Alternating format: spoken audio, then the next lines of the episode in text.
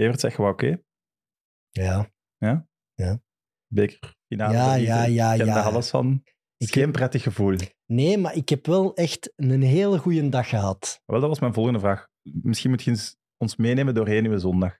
Dat begon heel vroeg, want blijkbaar wil iedereen zo vroeg mogelijk in dat Vandorp aan de Heizel zijn. Dus wij zijn ook heel vroeg vertrokken. Ik denk dat wij om tien uur vertrokken zijn. We waren daar om half elf, dat ging eigenlijk vrij vlot. En ik vind dat geniaal. Dat is zo'n dag. Voor een club als Mechelen is dat ook het, het hoogst haalbaar, een bekerfinale.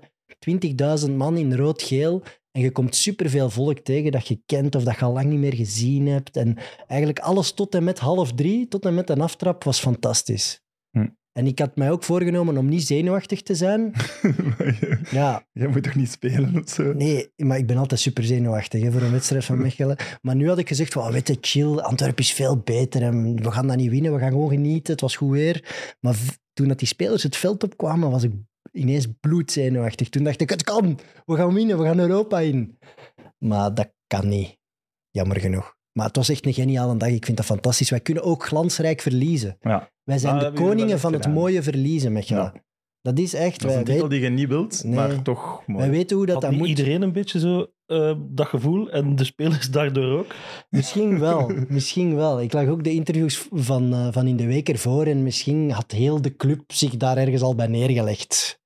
En ik weet niet dat er één manier was waarop we wel hadden kunnen winnen, dat weet ik niet. Misschien één kans op honderd en die hebben we niet gegrepen. Het coole aan een bekerfinale vind ik ook zo die fans 50-50. Ja. Het stadion echt langs de ene kant, langs de andere kant. Vooral dat het echt Dat nu echt 50-50 was. Wij waren er ook met heel veel. De Antwerp er met heel veel ging zijn, dat snap ik. Dat is echt wel een topclub in wording. Ik ben ook enorm verschoten van ja, hoe impressionant die club aan het worden is op het veld, maar ook naast het veld. Dat is echt wel een giant die helemaal wakker is. Maar ik ben blij dat wij daar als kleiner Mechelen echt wel iets tegenover kunnen zetten. Dat Hm. vond ik wel mooi om te zien. Eh, in oktober doen wij met, met, met ons twee vijf jaar. Je weet dat onze ploegen sindsdien nog niks gewonnen hebben. Doen wij dat al vijf jaar? Eh, ja, 2018. Ja. Godverdomme zeg. Nu ben ik nu fout aan tellen, hè. Ja. Nee, maar volgend jaar moeten Anderlecht en Mechelen gewoon een beker organiseren tegen elkaar.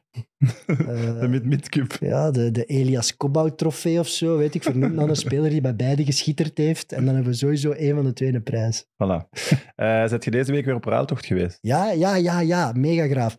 Ik ben, eh, een vrijdag ben ik nog bij Hans van Aken geweest. En die heeft mij gegeven, Vrijdag. vrijdag, ja. Eh, Han, eh, Charles de Ketelaar, een matchworn AC Milan van de Serie A.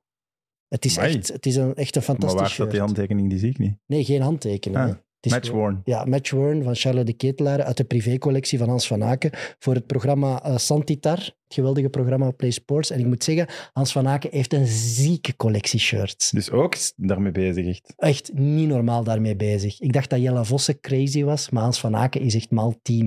Die, Oh, heeft, ja. Die heeft Messi, Mbappé, Harry Kane. Eh, die heeft echt alles, alles geruild. Alles.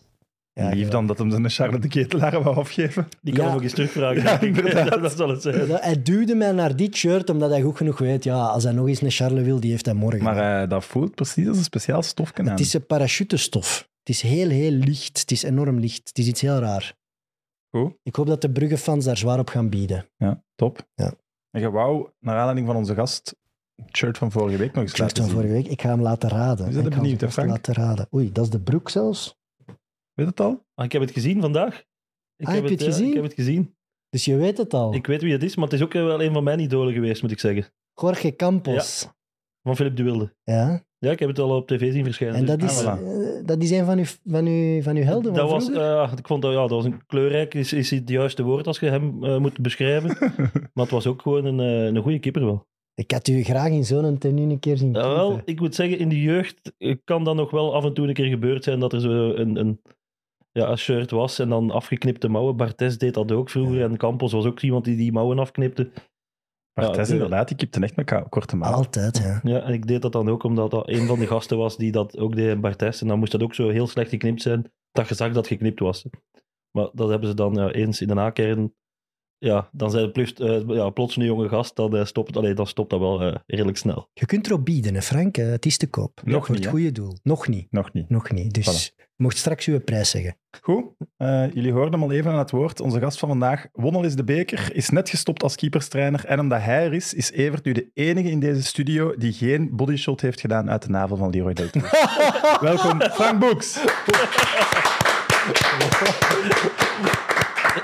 dus dat wil zeggen, jij ook. Ik ook, en denk iedereen hier echt. Can't stop, can't stop, can't stop, can't stop, can't stop, can't stop, can't stop, can't stop.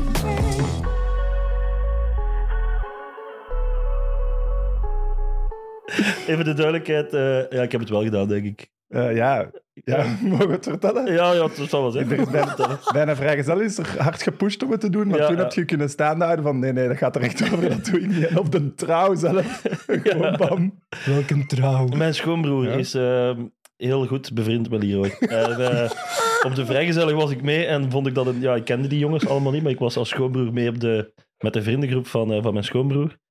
Eh, waar dat Leroy ja, de master of ceremony was. Ja. ja, ja, Maar je hebt het toch al meegemaakt, Evert. Als Leroy bij een teambuilding, op een, er is een redelijk snel al een moment dat hem iets te veel op heeft en dan doet hij gewoon spontaan, zonder iets te zeggen, een t-shirt uit en gaat hij neerliggen. Ja. Maar dat hij dat doet bij mensen die hij totaal niet kent, vind ik Toen niet, maar toen heb ik hem leren kennen en dan op de trouw ja, was ik ook beschoten of aangeschoten en dan eh, ja, ja, was het. Ja. Goed. Zijn dingen om trots op te zijn. Kijk, ja. Het is een experience wel, precies. Zeker. Het is eh, ook vies als je zo'n vlokje ziet ronddwarrelen. Navel, navelpluis. Ja, ja pff, ik hoop het zelfs. Eh, Het kan ook Frank- chips zijn van de dag ervoor. Goed, Frank, welkom. Eh, Dank u. bij Anderlecht, ik heb gehoord dat je als afscheidscadeau een eh, paar duvels hebt gekregen. Dus Ja, wij hebben dat als welkomstcadeau. Ja. Voilà, zo zijn we dan weer. Nee, het andere glas, Evert. Amai, maar dat kan toch niet dat je een duvelglas niet herkent? Dank u. Dan ga ik hier wel even moeten... eh Oké, is er een truc? Jij als fervente duveldrinker, mag ik wel zeggen? Oké, ja, je schildert mij af als een alcoholieker, maar ik kan dat wel appreciëren om een duvel te drinken. Dat is iets anders. Maar... een liefhebber. Ja, dat Voilà. is beter. Eh, hoe moet je dat juist doen? Ik heb Van Bonen ooit gezien op zijn Instagram, redelijk gewelddadig. Dan meteen omdraaien en daarin houden. Ehm, ik, ja, ik weet het Dus eigenlijk ik dat Ik doe, ik dat proberen? Kan niks mis doen, hè? Ja, smossen op je computer. Het zijn wel alle twee een verschillende techniek, dus ik ben zeer benieuwd hoe dat eruit komt. Ik vind het bij Sam al redelijk oké. Alle twee, alle twee goed. Maar allebei anders en toch allebei goed. Zeker een 8 op 10, alle twee. Maar je kunt dat ook tot de nok Ja. vullen, maar dan zit je met zo'n ja, een schuimsnor en dat is ook Ja. niet altijd... Dat is niet plezant, hè? Ja, ik vind dat niet. Ik ook niet. Nou ja, kijk. eh, School. Zo. gelukkig is dat hier niet s'morgens opname, want dan zou dat problematisch zijn. Ah, moeten we doen alsof het niet 's morgens is. Ah, nee, oké. Eh, goed. Frank, eh, ik las deze week dat jij nu scout bent voor het Klaas Agency. ja, klopt. Wat moet ons daarbij voorstellen? Ehm, Bob is mijn eh, makelaar altijd geweest op het einde van mijn carrière. Ehm, Dus en- Bob Klaas, hè? Bob Klaas, ja. En die heeft mij eigenlijk gevraagd van, ja, zou jij niet het sportieve gedeelte eh, willen doen in mijn bedrijf? En dat wil eigenlijk zeggen dat ik de spelers opvolg eh, die er zijn en nieuwe spelers ga proberen te ontdekken. Dus dat is in jeugd en eh, jong, maar dat kan even goed ouderen zijn die we ook kennen en dat ik dan de sportieve analyse maak voor hem om spelers eventueel te overtuigen om bij ons te komen als cliënt. Dat, dat is eigenlijk het vroegere Let's Play. Ja, dat is het Let's Play van Wouter van den Houten, Peter Smeets en Bob Klaas. Wouter is eruit gegaan, eh, Toen hij voorzitter werd. Hè? voorzitter, dus ik denk nu twee jaar, zoiets. Ja. Ja. het zal Ja, het zal wel iets langer zijn, denk ik. misschien al iets langer, inderdaad. Hij is daaruit gegaan, dus ik zat ook nog in dat tijdperk eh, onder Wouter. Wouter heeft me dan ook de kans gegeven om bij eh, Anderlecht als coach te beginnen. Eh, Wouter is eruit gegaan. Bob heeft dat verder gedaan met Peter Smeets. Zij zijn uit elkaar gegaan, waardoor dat er daar ja, vernieuwingen waren. En heeft hij me gevraagd van oké, als je stopt bij Anderlecht, dan eh, heb je misschien tijd en dan kun je je ag- agenda zelf eh, gaan bepalen. En dat was wel iets wat dan nu in mijn... eh Eén, dat ik er veel goesting in heb, want er zitten ook gewoon hele goede spelers bij. Hm. Ehm, en twee, ehm, dat dat ook wel iets nieuws is en dat dat ja, na is het, 20 jaar kleedkamer en, en alle dagen op een voetbalclub zijn, dat dat toch ook wel iets verruimend kan zijn. Wacht je daar echt klaar mee? Nee, want ik deed ehm, tot de laatste dag dat ik het gedaan heb, mijn job in Anderlecht heel graag. Maar het altijd aanwezig moeten zijn, geen vrije dagen hebben, eh uw eigen agenda niet plannen, dat ook niet altijd heel snel of heel lang op voorhand weten, eh, was vooral voor mijn vrouw dan een, eh, ja, een enorme opgave met twee kinderen. En dat heeft eigenlijk wel de beslissing versneld of doen, mij die beslissing doen nemen eigenlijk, om te zeggen van kijk, ja, ik moet... mijn gezin één onderhouden, maar twee, ik moet ook een band hebben met één, mijn kinderen en mijn vrouw, die er alleen voor stond met twee kinderen. Dan heb ik wel gezegd van oké, eh, hoe kan ik dat anders gaan doen? En ik had een plan B en een plan C, want ja, C was dan Bob Klaas. Ik had altijd nog tv-werk waar ik eh, op kon terugvallen, dus ik ging niet plots eh, ja, moeten gaan doppen, hè, want ja, dat heb ik in mijn leven ook moeten doen. Hè, dus dat is, dat is Wanneer? voor Anderlecht heb ik even geen ploeg gehad. Ah, ja. En dan heb ik op de top gestaan. En dan valt je terug op heel weinig. En dan is het natuurlijk ja, met twee kinderen en een vrouw en eh, een bepaalde levensstandaard. Is dat, eh, had ik dan natuurlijk ook wel een plan B en C nodig als ik die beslissing nam. En ja, voorlopig is dan heel kort. En ik heb ja, niet veel gemist in Anderlecht. en twee, ehm, het is ook nieuw en het is allemaal nog een beetje zoeken. Maar het is wel een mooie uitdaging. Maar dus je blijft ook wel analist. Het is echt wel de bedoeling om plan B en C te Ja, het is een combinatie van. Want ik, eh, ja, ik ben zelfstandige, zowel voor ja, beide partijen dan, hè, voor, voor, als analist, maar ook als eh, consultant voor een makelaarsbedrijf. Dus dat is eigenlijk, ik bepaal zelf wanneer dat ik werk. Natuurlijk, ja, je hebt een baas die zegt als je daar moet zijn op dat uur, en die match is om dat uur, ja, dan moet je, dat, eh, moet je niet denken, ik ga een match om vier uur zien als om acht uur eh, gespeeld wordt. Hè. Dus Nee, nee. dat is, maar het is zelf in te plannen. Je kunt daar redelijk lang op voorhand doen. Dat is een, een heel ander leven. Hè? Want in het voetbal is dat gewoon, ja, een trainer beslist. Dat duurt daar. Meetings, dat loopt, eh, ja, dat zijn toch hele dagen, lange dagen. Weekend altijd eh, Ja, weg. Absoluut. Eh, en je hebt als voetballer ook meegemaakt. Dus dat is echt al een lange periode dat je Maar het is ja, in die flow ja. zit, zeg maar. Het is, iedereen weet dat wel, dat een, dat een voetballer een heel lastige agenda heeft en dat de agenda ook voor u bepaald wordt. Maar het is wel vrij ongezien dat iemand uit de voetbalwereld naar buiten stapt en zegt ja, ik zet een stap terug voor mijn familie en mijn kinderen. Dat heb ik nog niet zo vaak gezien, dat iemand dat zegt. Ik ook niet. Ik denk, die Jardel. Daar moest Mario ik aan denken. Nee, van. Porto, die, eh, Dat is lang geleden, ja. Het zou kunnen. dat was zoiets. Maar ik denk dat er veel voetballers dat misschien al wel gedaan hebben, maar dat dat daarom niet zo uitgesproken wordt. Of dat, dat ze er, ja, een voetballer kan zijn contract uitdoen en dan niet meer verder doen. Of een, maar ja, ik was trainer in het midden van het seizoen. eh, ja, ik merkte ook gewoon aan mijn vrouw dat dat nodig was nu. En ik wou dat wel tot het einde van het seizoen rekken. En had ik geweten dat het seizoen nog zo kort ging zijn, voor de duidelijkheid, ik dacht dat niet. Want ze waren echt wel eh, op de Ja. goede weg. Als je dat had verwacht, zou het maar stom geweest zijn om zo'n Ja, paar wel, matchen ja. voor het einde te Ja, stoppen. dat is het ook. Ja. Ja. Dus ja, had ik het geweten dat het nog, eh, nog drie matchen was, ja, dan had ik die nog wel eh, uitgedaan om de, eh, ja, het gemak van de club. Hè, want een kipperstrainer gaan vervangen in het midden van het jaar. De tweede al, hè, want ik was al... het is niet evident. Maar oké, ja, dus we zijn er eerlijk en transparant over geweest. Ze wisten het. Ze hebben het eigenlijk nog langer geroken dan dat ik wou. Ehm, en dan was het de keuze van oké, nu stoppen we. Nu gaan we eh, Hm. zonder u verder. En dat was... En uw rol nu als, als consultant, dat is louter het sportieve? Of is het ook Nee. wel meer onderhandelen Nee, en, nee, nee, en absoluut niet. Ik, contacten? eh, makelaar is absoluut niet iets wat ik wil doen. Ehm, ik wil met sportieve bezig zijn. Ik wil spelers begeleiden. Wat dat ik denk dat ze moeten gaan toevoegen aan hun spel, moet ik dan ja, op beeld gaan hebben en aan de jongens gaan tonen. En eh, ehm, als zij mij vragen zitten over eh, voetbal, ja, dan gaat Bob zeggen, ga maar bij Axel Lauweré. Dat is de, laat ons zeggen, de, de Waalse kant, eh, Duitse kant en ik dan de Vlaamse kant. Een spits en een keeper. Een Dan spits heb en een keeper, ja, alles kijk. wel... Ja, maar dat is ook zo. We hebben, we hebben een jonge gast van, eh, van Genk, 16 jaar, spits. Ja, dan moet ik die niet gaan begeleiden, dan is het voor Axel.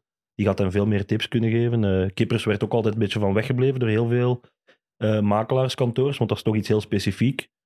Dat kan u bijvoorbeeld wel. Dus ja, dat zijn eh, dingen die in de toekomst allemaal een beetje moeten duidelijker gaan worden. Maar het is wel eh, ja, een leuke drive, een leuke, leuke, leuke, leuk bedrijf om voor aan te werken. ik wist had- wel niet dat dat zo was. Ik Die, dat- die individuele begeleiding van, van een makelaarskantoor. Of, Meer en altijd, ja, de ik. 360-begeleiding, maar dat leken meer holle woorden dan, dan dat dat effectief zo gebeurt. Want ik vind, vind dat ook wel een taak van een club, eigenlijk. Ja, maar ik ga nooit het, het werk van een club doen. Hè. Maar soms kunnen spelers eh, niet terecht binnen een club voor bepaalde vragen, want dan gaat dat gezien worden als, eh, een beetje als een psycholoog eigenlijk. Hè. Je gaat bij een Ja, club, een psycholoog legt je ziel bloot. ja, Je wilt geen zwakte tonen Ja, binnen je ja, eigen ja, club waar je ja. onder contract Of je wilt eerst een keer je gedachten filteren om dan aan een Ja. trainer te stappen. Ah, ja, oké. Dat je zegt van ik ga niet eh, in, het, in mijn eigen mes lopen, want ik wil een gesprek met een coach. Ik wil het over tactiek hebben, ik wil het over mijn positie hebben. Ja, dan kun je dat gesprek misschien eerst al een keer eh, gaan aftoetsen met iemand anders. En dan dat gesprek gaan doen. Dus is een beetje dubbel. Hè. Sommige spelers hebben dat echt niet nodig. Hè. Ik bedoel, Juri Tielemans zit, er, zit erbij. Ik ga Juri niet zeggen hoe hij moet voetballen. Hè. Dat, weet hij, dat weet hij beter dan ik. Dus dat is ook, eh, maar voor een jonge gast, voor een jonge speler, eh, die begeleiding doen. Ja, Maar vraagt Jury dan wel aan u, kijk, dit zijn de twee opties of drie opties deze zomer, sportief Ehm, gezien, wat zou je doen?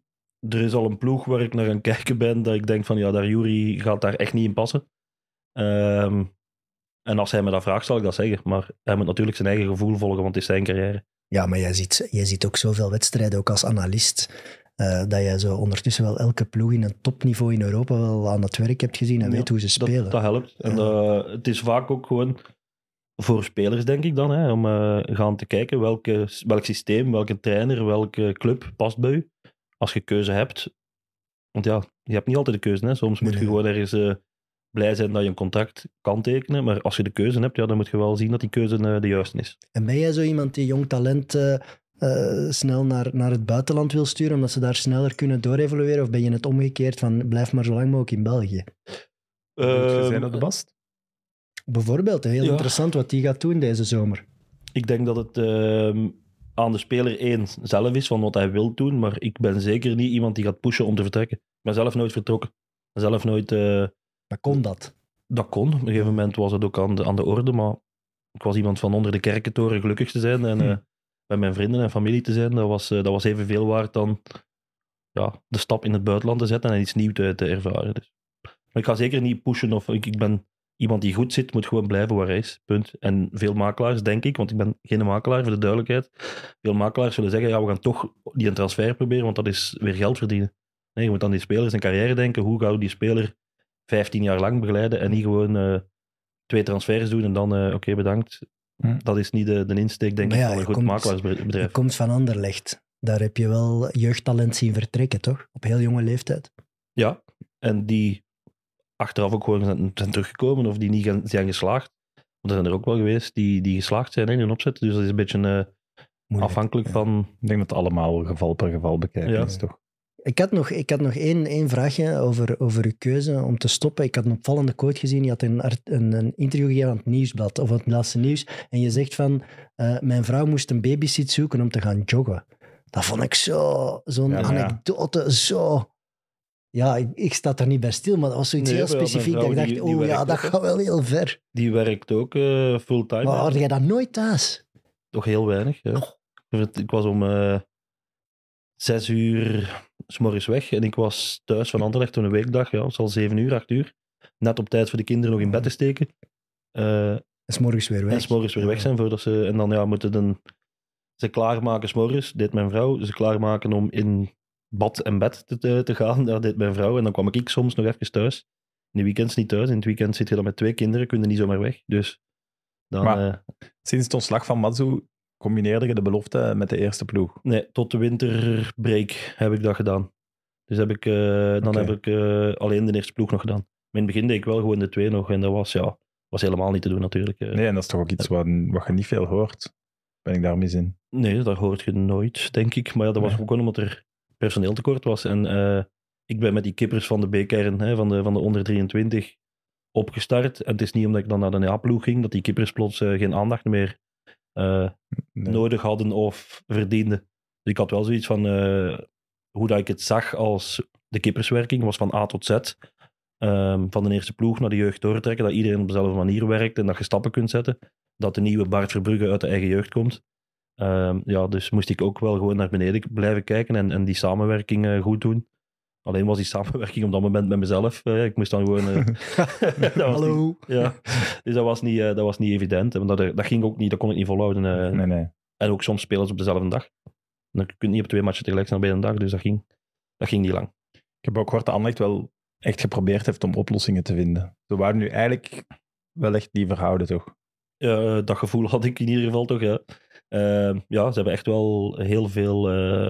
Maar wat zijn dan oplossingen? ja, Want ja, eh, je kunt moeilijk zeggen... je- hulp, hulp voor mijn vrouw, dagen niet komen. Eh, Ah, ja, van die soort oplossingen. Dus ze wouden echt wel meedenken in, het, in de bigger picture. Ze wisten ook mijn probleem. Allee, mijn Een probleem. assistent keeperstrainer dat je bijvoorbeeld twee dagen in de week Zo- thuis kon blijven? Ja, of al twee halve zoiets. Of, dagen? eh, ja. Ja. of een babysit sturen voor mijn vrouw. Dat is echt wel gaan joggen. Ja. Dat Jan Verlinde Ja, kon Jan eh, Verlinde. gaan babysitten?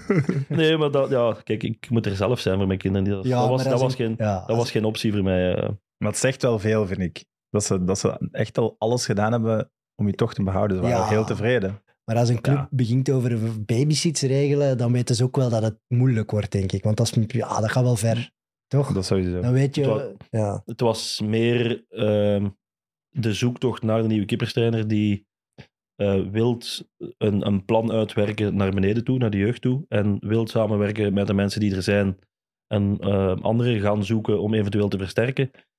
Dat is geen evidente eh, zoektocht. Dus dat wisten zij ook dat ze iets hadden. Ja, je kunt een kipperstrainer halen die zegt, "Oh, met de jeugd wil ik niks te, te maken hebben, want ik ben assistent van Hm. een hoofdcoach. Maar iemand die assistent wilt zijn van meerdere hoofdcoaches en meedenkt in het verhaal, ja, dat is echt niet evident. En dan weet ik Hm. ook wel dat ik hun eh, ja, in de shit gestoken heb oh, ja, door, door zo te stoppen in het midden van het seizoen. Ja. En dat is ook de reden waarom dat ik nog zo lang heb gerokken tot, tot het echt niet meer ging. Heeft de situatie waar de club zich de laatste, het laatste jaar in bevindt er iets mee te maken? Eh, ergens ook wel, denk ik. Want als je ehm, dat verhaal van A tot Z wilt gaan doen, ja, dan heb je ook eh, mensen en middelen nodig. En ik had ook wel ergens het gevoel dat ik al jaren aan het pushen was, samen eerst met Jelle Trouwelaar, ehm, echt wel iets aan het creëren was om die kipperswerking gaan vooruit te duwen. Wat daar echt nog wel stappen in te zetten zijn eh, binnen Anderlecht, denk ik. Ehm, maar ja, dat was niet altijd evident. Als je ziet dat een hoofdcoach van een, van een ploeg ehm, ik zeg maar iets, setpiece coach wilt, maar dat er dan niet kan op dat moment, ja, laat staan als de kipperstrainer iets vraagt, dan gaat er nog minder mogelijk zijn. Dus ik had ook wel dat gevoel dat dat, ja, dat ik dan misschien ehm, gefrustreerd ging raken op, de, op, op termijn, als niet alles kon wat ik in gedachten had. ja Racing Genk staat er ook wel voor bekend om de keeperschool van België te zijn. En. Anderlecht heeft daar precies nooit echt op gefocust of zo. Nee, Dat in is Anderlecht, is te, in Anderlecht is te lang de... want Van Genk inderdaad is iedereen het over eens. Anderlecht eh, zou zich moeten spiegelen aan Genk eh, voor de kipperswerking. Ehm, maar in Anderlecht heeft te lang de illusie eh, bestaan. Een kipper bij ons raakt de bal niet, want we hebben altijd de bal zelf. Maar het kippersverhaal is veranderd. Ik Ja. vind dat een kipper tegenwoordig eh, de nieuwe moderne nummer 10 is. Want de aanval begint bij de doelman en dat is vaker, wordt meer teruggespeeld om een rustpunt te zijn. Dus je moet echt wel tactisch en technisch ehm, voetballend mee zijn. En dat was vroeger niet. Dat vroeger was de keeper echt iemand die shots moest stoppen, eh, centers komen plukken en de bal vooruit keilde. Maar nu is er een opbouw bijgekomen. Nu is er een eh, ja, tactische coaching. Allee, alles is, er, is een beetje veranderd als, als keeper. En dat is... Genk heeft dat ehm, veel sneller doorgehad en heeft daarna ook eh, gehandeld. En kipperstrijders in dienst die allemaal hetzelfde denken. En Anderlecht kocht ook vroeger gewoon Ja. een van de beste keepers van het land. En die stonden dan na acht tot tien jaar in de golen. En nu hebben ze misschien ook wel gezien de- dat, dat die positie geld waard kan zijn als je er een Dat is het opleidt. En Dat ja, die, ook. jongen is toch moeten vertrekken, 80 omdat Company vond dat hij veel te weinig kon voetballen. Dat is Ja. toch de uitleg die naar de buitenwereld toe is gegeven. Ja, dat is, maar oké, dat is. Daar ga ik, ik kan geen uitspraken doen over iemand anders. Maar inderdaad, het was wel belangrijk onder Company om de, de voetballend sterke keeper te hebben. Ehm, Had je veel gesprekken met Vincent dan toen hij coach was? Want toen was je nog niet rechtstreeks betrokken de ja, toen was ik speler-trainer nog. Dus ik Ja. had dat wel. ehm had of zeggen, met, met, met Vince zelf niet heel veel, want die was bezig met iets anders. Maar ik was een trainer bij de. keeperstrainer bij de belofte. En fantastisch jaar gehad met Craig Bellamy, dat zijn rechterhand eh, was, is. Ja.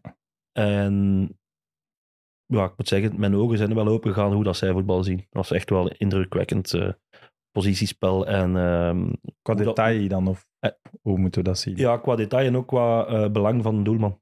Ik had nooit iemand, ehm, een trainer die, die... Ik heb nooit een trainer gehad die het zo, een, een doelman zo belangrijk vond. En, en bij Vince was dat echt oké. Hij is start of play. Je wilt voetballen van achteruit. Ja, dan moet u een eh, kipper moet echt wel een goede voetballer zijn, want dat is echt gewoon een, een meerwaarde. En ook de manier waarop dat ze dan de, de trainingen in elkaar staken, en een kipper altijd ehm, geïntegreerd werd in een groepstraining, om dat ook mee te pakken, was echt wel voor mij eh, een openbaring, is niet het juiste woord, maar toch wel zoiets van, oh, eindelijk een trainer die mijn positie belangrijk vindt. Ik Guardiola heeft ook bij, toen hij bij City aankwam, nog één jaar met Joe Hart gewerkt. Ja. Wat toen daar toch een clublegende was. En ook gewoon doorgestuurd. Ja, hij, heeft, eh, hij zette Victor Valdes eh, in, de, in de wedstrijdvormen gewoon mee op het middenveld. Eh, ja, Dat vind ik dan weer te ver gaan. Gewoon om te zeggen nodig, van, maar- kijk, jij moet even goed kunnen voetballen als mijn, eh, als mijn mid-mid. En ergens snap ik dat ook wel, als je nu ziet hoe vaak dat de keepers aan de bal komen. Maar het is wel opvallend dat je, dat je ook weer extreem lovend bent over hoe Company met voetbal bezig is. Dat hoor je nu echt wel van iedereen die bij Anderlecht met hem heeft gewerkt. Dat is toch straf?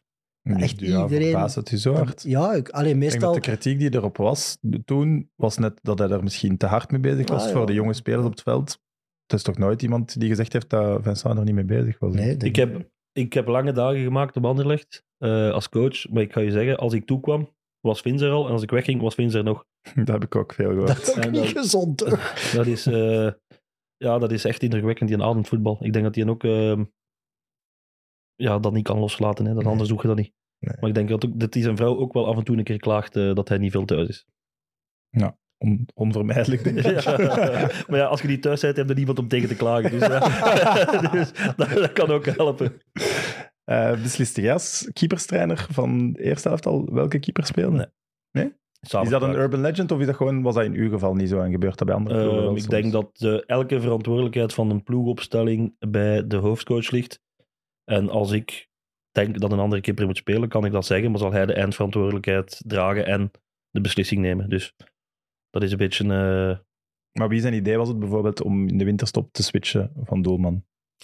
eh, ik heb gezegd dat, ze, dat dat het een ideaal moment was om Bart Verbrugge te zetten. Ik had eh, voor de duidelijkheid niks tegen eh, Hendrik van Krombrugge, want die was ook gewoon al jaren ehm, Zeer solide, toch? Zeer solide, Ja. heel goed. Alleen, het was op dat moment, als wij begonnen, of na de winterstop, eh, Brian Riemer begon, was dat een verloren seizoen. Nee, dat was al wel duidelijk. Dus als je dan een keer een jonge keeper met heel veel potentieel wil testen naar volgend jaar toe, ja, dan moet je hem nu zetten ehm, en zien wat brengt hij, wat brengt hij bij, wat heeft hij tekort, waar kunnen we aan werken. Ehm, dus dat zijn echt wel dingen dat, dat, dat, dat ik dan zeg op dat moment. Maar het is wel Brian natuurlijk. En het is ook een beetje natuurlijk gegaan, die wissel. Want Hendrik was ziek de laatste Hmm. wedstrijd ehm, op Charleroi voor de winterstop. En die winnen we. Eerste match van Brian, als ik me niet vergis. Dat was na het WK nog voor de stop. Zo dan. Voor de stop. Ik denk Ja. dat de eerste match op Genk was voor de beker. Die Ja. speelde hij niet. Wat dat eigenlijk de bedoeling was om wel te spelen, want ehm, hij had de beker tot dan alles gespeeld. Dan is het competitie Charleroi. En gaat eh, Hendrik eruit omdat hij ziek is en is Bart blijven staan. Of is Bart erin gekomen en deed hij het goed. En hebben we na de winterstop gezegd, oké, dan, eh, dan blijft hij staan. Lijkt me wel heel moeilijk, hè? want ja, als keeperstrainer heb je een alleen heel dichte relatie met je keepers. Je werkt altijd met Ja, heel weinig dat- mensen. Een hoofdcoach en zijn spits of zijn middenvelder, dat is in een selectie van 25 spelers. Je hebt twee keepers waartussen je kan kiezen. Je Drie- kent die veel vier, beter, ja. toch? drie of vier, hebben we vier ja, keepers. oké, je hebt, maar- kan Van Krombruggen en Verbrugge. Ja. En dan moet je zeggen, ja, Hendrik, je hebt nu al 100 matchen gespeeld, maar nu ga je eruit. Ja, ik had, dat is ook wat dat. allee, ja, moet ik wel zeggen. eh, ik wou niet puur van eh Verbrugge pushen, omdat ik daar daarvoor ook al lang mee gewerkt had met beloften of zo. Want het was gewoon een verloren seizoen en iedereen is akkoord over, over de kwaliteiten. Wij wisten dat binnen de club al lang. Ja, maar de andere keeper is daar wel de dupe van.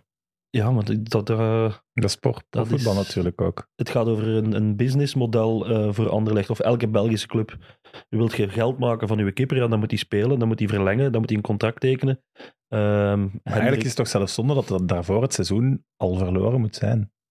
Snap je wat ik bedoel? Ja, daarom, Eigenlijk- daarom wordt het dikwijls gedaan bij doelmannen, want je kunt hem niet 30 minuten laten spelen en bewijs je maar. Nee. Dat gaat niet. Dus Nee. is het Je kunt vaak- niet wisselen in een match. Nee, dus je gaat dan vaak ehm, de bekercompetitie eh, aan de kipper geven. Dat hadden we daarvoor ook gedaan. Bart, jij speelt de beker. Dat gaan nu matchen zijn waar dat je moet eh, bewijzen. Waar dat je kunt tonen op het hoogste niveau, hoger dan tweede klasse. Oké, we spelen dan tegen een tweede klasse de match dat hij penalties pakt. Maar oké, dat is wel, dat gaat uw podium zijn. Dus Bart was ook not amused als hij de beker niet speelde. Nieuwe coach zegt van ja, ik wil de beste ploeg aan het werk zien. Ehm, dus met een eerste keeper gaat spelen en heb ik niks op in te brengen. Dat ik wel gezegd heb, ja, we hebben eigenlijk de afspraak gemaakt. Ja, dat is uw afspraak. Ik ben hier nu eh, de nieuwe trainer. Nieuwe afspraken, nieuwe wetten. En oké, het, heeft dan, het is dan wel gedraaid in het seizoen en heeft dat heel goed gedaan. Ehm, Maar dat was niet evident. Dat is een keuze dat een trainer dan moet zeggen: oké, wat gaan we doen? Eh, gesprekken met Hendrik, gesprekken met Bart. En gelukkig komen die twee alle heel goed Ja, je hebt eigenlijk heel veel chance met Hendrik, hè? Mag Ja, je dat zo zeggen? ja, ik nu niet meer, maar... Ja, nee. maar ja, dat is ook zo. Als die dan eh, echt eh, niet door één deur kunnen, omdat ze concurrenten zijn. Je ziet dat heel weinig, maar het gebeurt wel. Ik heb Weinig? Kippers is altijd zo'n select clubje die, die aan elkaar hangt en eh, eigenlijk altijd wel heel collegiaal zijn met elkaar. Je trapt ook, elke bal die gepakt moet worden, moet getrapt worden. Dus je trapt ook voor je concurrent. En als je dat ehm, begint slecht te doen voor elkaar, of bewust slecht te doen, ja, daar word je alle twee niet beter van. Nee. Dus dat is ook zoiets van, ja, je hebt een beetje een, respect eh, naar elkaar toe en dat is altijd wel heel collegiaal.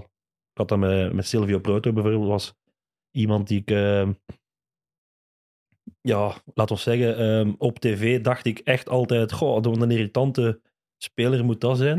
Nee, nee, nee. Dat begrijp ik. weet ik. dat Dat begrijp en ik, ik ja. ging naar Anderlecht ehm, en ik dacht eerst training van, goh, kipperstraining met Proto, dat gaat toch wel iets zijn.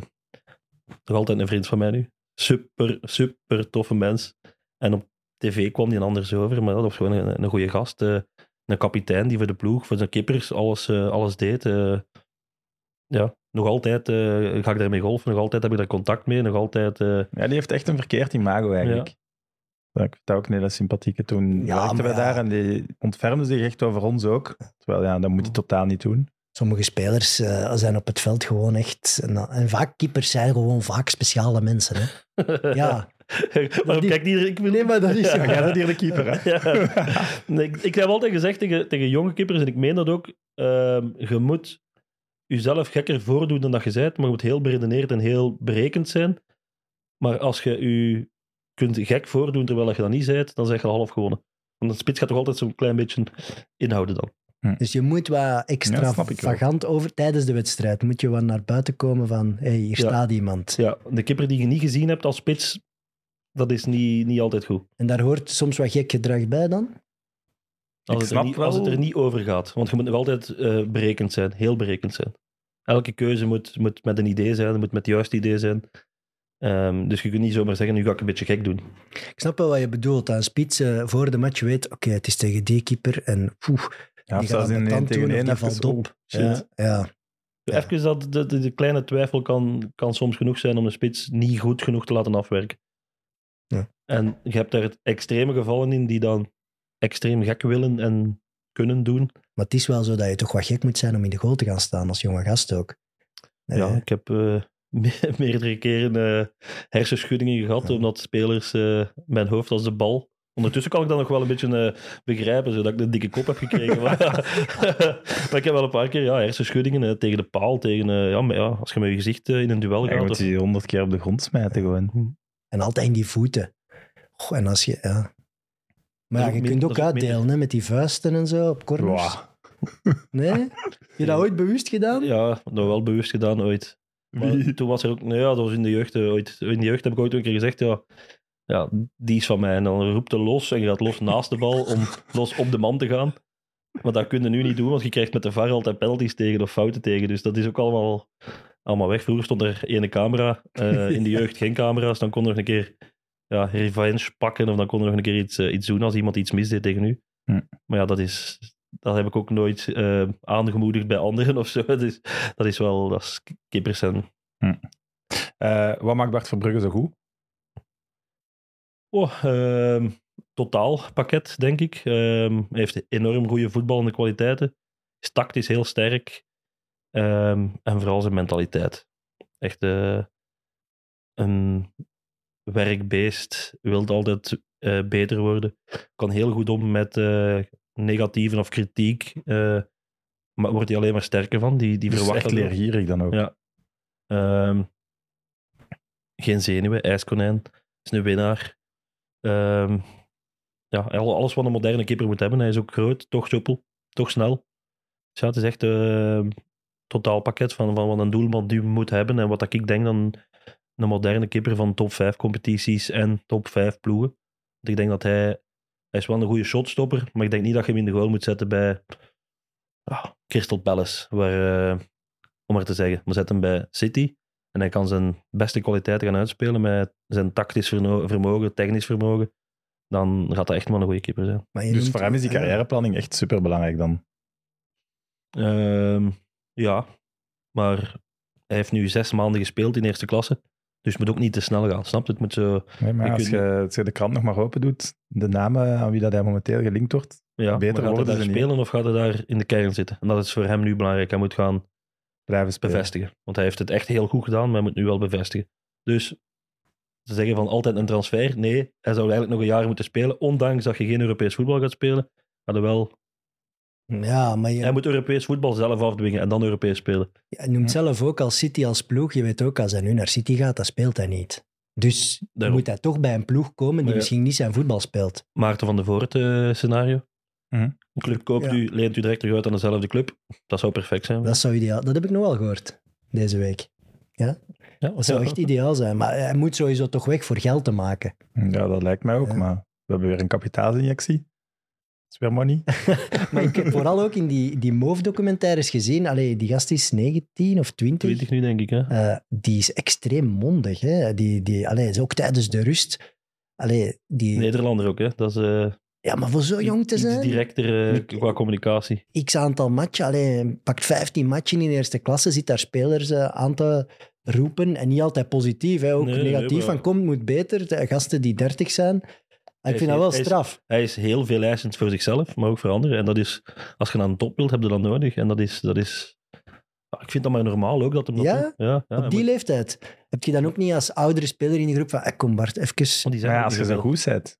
Die zijn er ook niet zoveel. Van die al. spelers die, die de, de leider gaan zijn van de groep. Die hebben we in Anderlecht op dit moment niet echt. Ja, Vertongen, Alleen maar Vertongen. die zal dat wel appreciëren. Als, Ja. als, Je ziet ook in, dat, eh, dat die wel een klik hebben, die twee.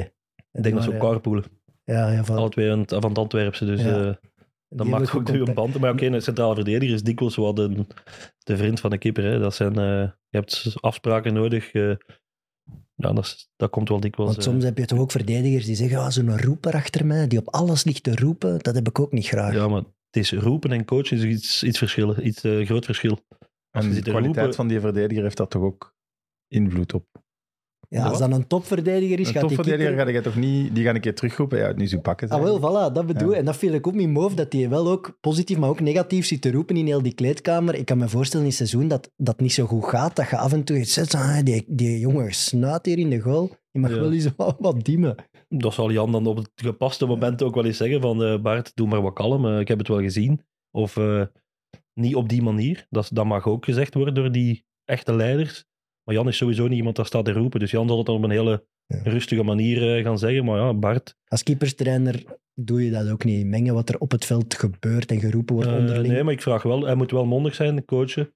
Hij moet zijn verdediging informatie geven. En twee, hij moet zichzelf geconcentreerd houden. En een keeper die zwijgt is vaak ja? een keer weg. Ja, ik heb dat gevoel. Ik heb ook altijd- altijd geroepen om zelf geconcentreerd te blijven. Dat snap ik wel. Je hebt echt soms niks te doen. Hè? Dus Ja. om erin te blijven... Jezelf wakker roepen. Eh, In nee, de in match de match houden. houden. Ja, ja. geconcentreerd blijven, geconcentreerd eh, in die match blijven.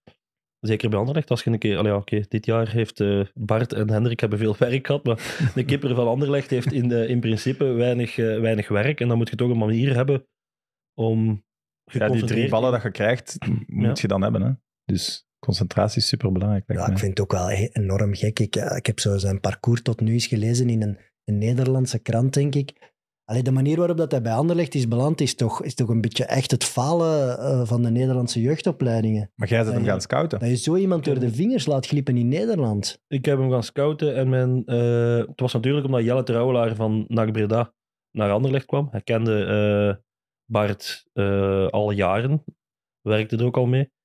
En eh, Peter Verbeke stuurde mij naar NAC Breda, belofteploeg. Dus jong Breda of jong NAC. Eh, en mijn bericht naar Peter om te zeggen ja of nee, was in de opwarming al geschreven. Echt? Eh, Ik moest de match eigenlijk niet meer zien. In de opwarming zag ik al direct, waar hier staat iets voetballend. eh. Hoe kan dat? ja, een keeper heeft veel meer werk in opwarming dan in de wedstrijd, om te beginnen. Ja. Ehm, maar gewoon, ja, technisch. ehm, er stond een persoonlijkheid die maakte.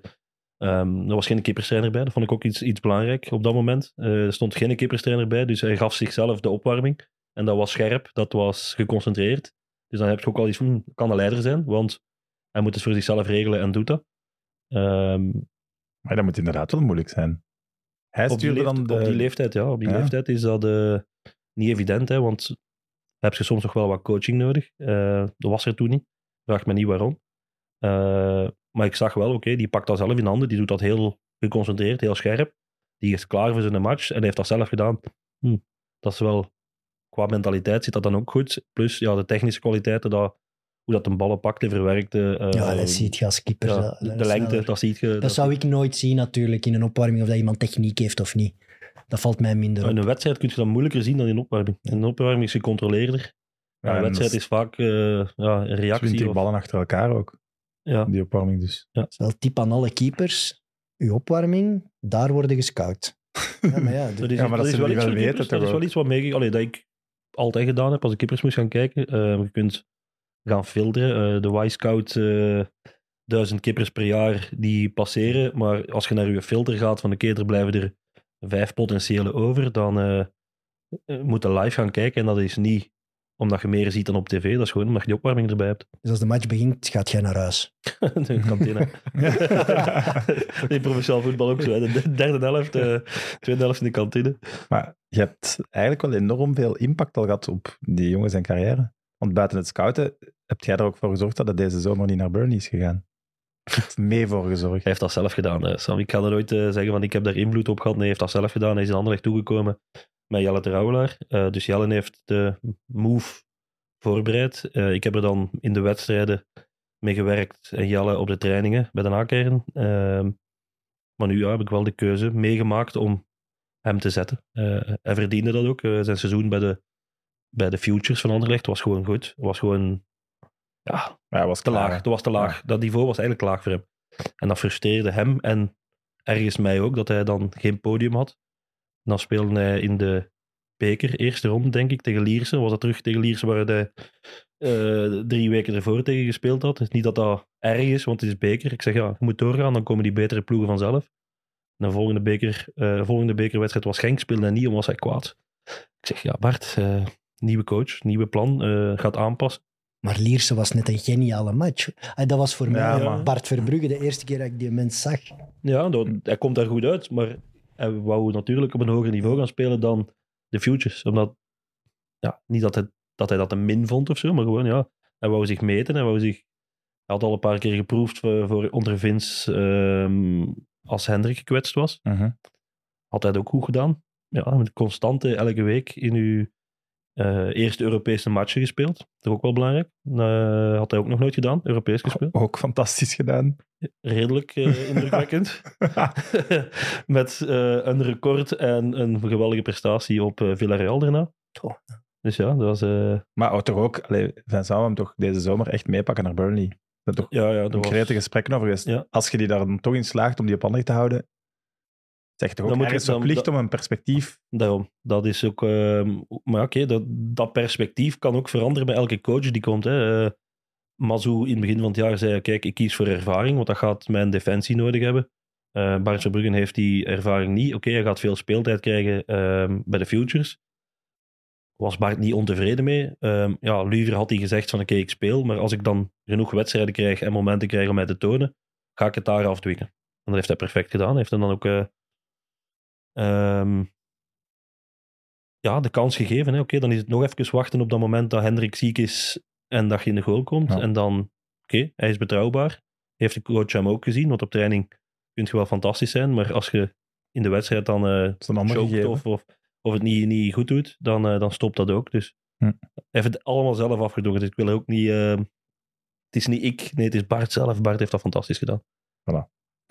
Eh, klopt het dat Hendrik van Krombrugge deze winter eh, Nottingham Forest voor bedankt heeft? Ehm, om bij Anderlecht te blijven, terwijl hij wist dat hij tweede ja, keeper zou zijn. Ik denk dat wel dat dat klopt. Ehm, dat was allemaal laatste dag van de transferperiode. Dus dat je Oké. dan, als ik voor mijn familie kies ehm, en hij met een familie met kinderen en een vrouw, dat allemaal moet beslissen op één dag tijd, is er iets voor te zeggen. Dus dan in het begin van de transferperiode geweest, had er drie dagen of een week over kunnen nadenken, had hij dat misschien wel gedaan. Ehm, Maar ja, Ik denk dat hij ook wel een goede keeperstrainer gaat zijn. Als je ziet in die Europese matchen hoe dat hij echt wel meteen naar die Verbrugge na het afluiten naartoe gaat, ja, hij is daar het ook wel echt mee een- betrokken. een hele goede collega. Er zit een, eh, ze zitten heel close bij elkaar. Ze delen ook alles van wat ze weten en wat ze voelen en over oefeningen en over eh, partijen. Zijn ze ook altijd in gesprek met elkaar. Dat is als, als keeperstrainer soms makkelijk, want je kunt even eh, op de achtergrond gaan luisteren wat ze zeggen om dan in te pikken. Hè, want als je altijd zelf de conversatie moet aangaan om ehm, informatie te krijgen, is, is niet altijd even, even makkelijk. Want ja, niet alle keepers komen altijd he- goed gezind op training aan. Mhm. Ehm, Dat is waar. dus ja, dat is, dat, is, dat is een droom om met die twee gasten samen te werken. En Colin Kozemans niet vergeten. En Colin is ook iemand die eh, eh, met zijn ervaring en zijn rust de perfecte eh, derde keeper die eigenlijk te veel kwaliteiten heeft om derde keeper te zijn. Maar Ja, ja, want die zou toch ergens in die, ja, nee, eerste of tweede klasse eerste Als- keeper zijn. het is heel simpel. Als Bart ehm, gaat spelen, gaat Hendrik misschien willen moeten vertrekken. Als, ehm, Hendrik, ehm, nee, als Bart vertrekt, gaat Hendrik terug in de goal komen.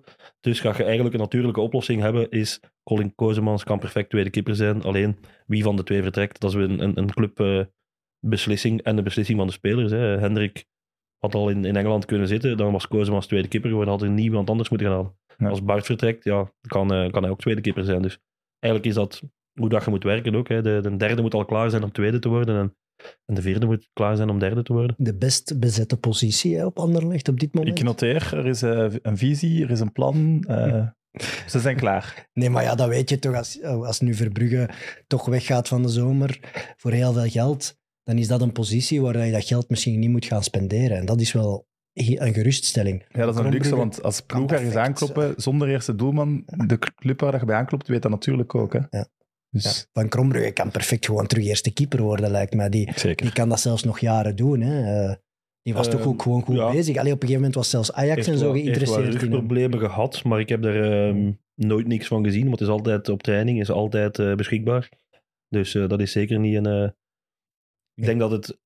Ik had in zijn positie misschien wel, als de kans komt om naar de Premier League te gaan, laatste dag transferperiode moeilijke beslissing. bes- Ik Ja. besef het. Maar was had- misschien wel nu of nooit. Hè. ja, ik denk, ook al is het maar Nottingham Forest, maar in ieder geval, die, koopte, die kopen er...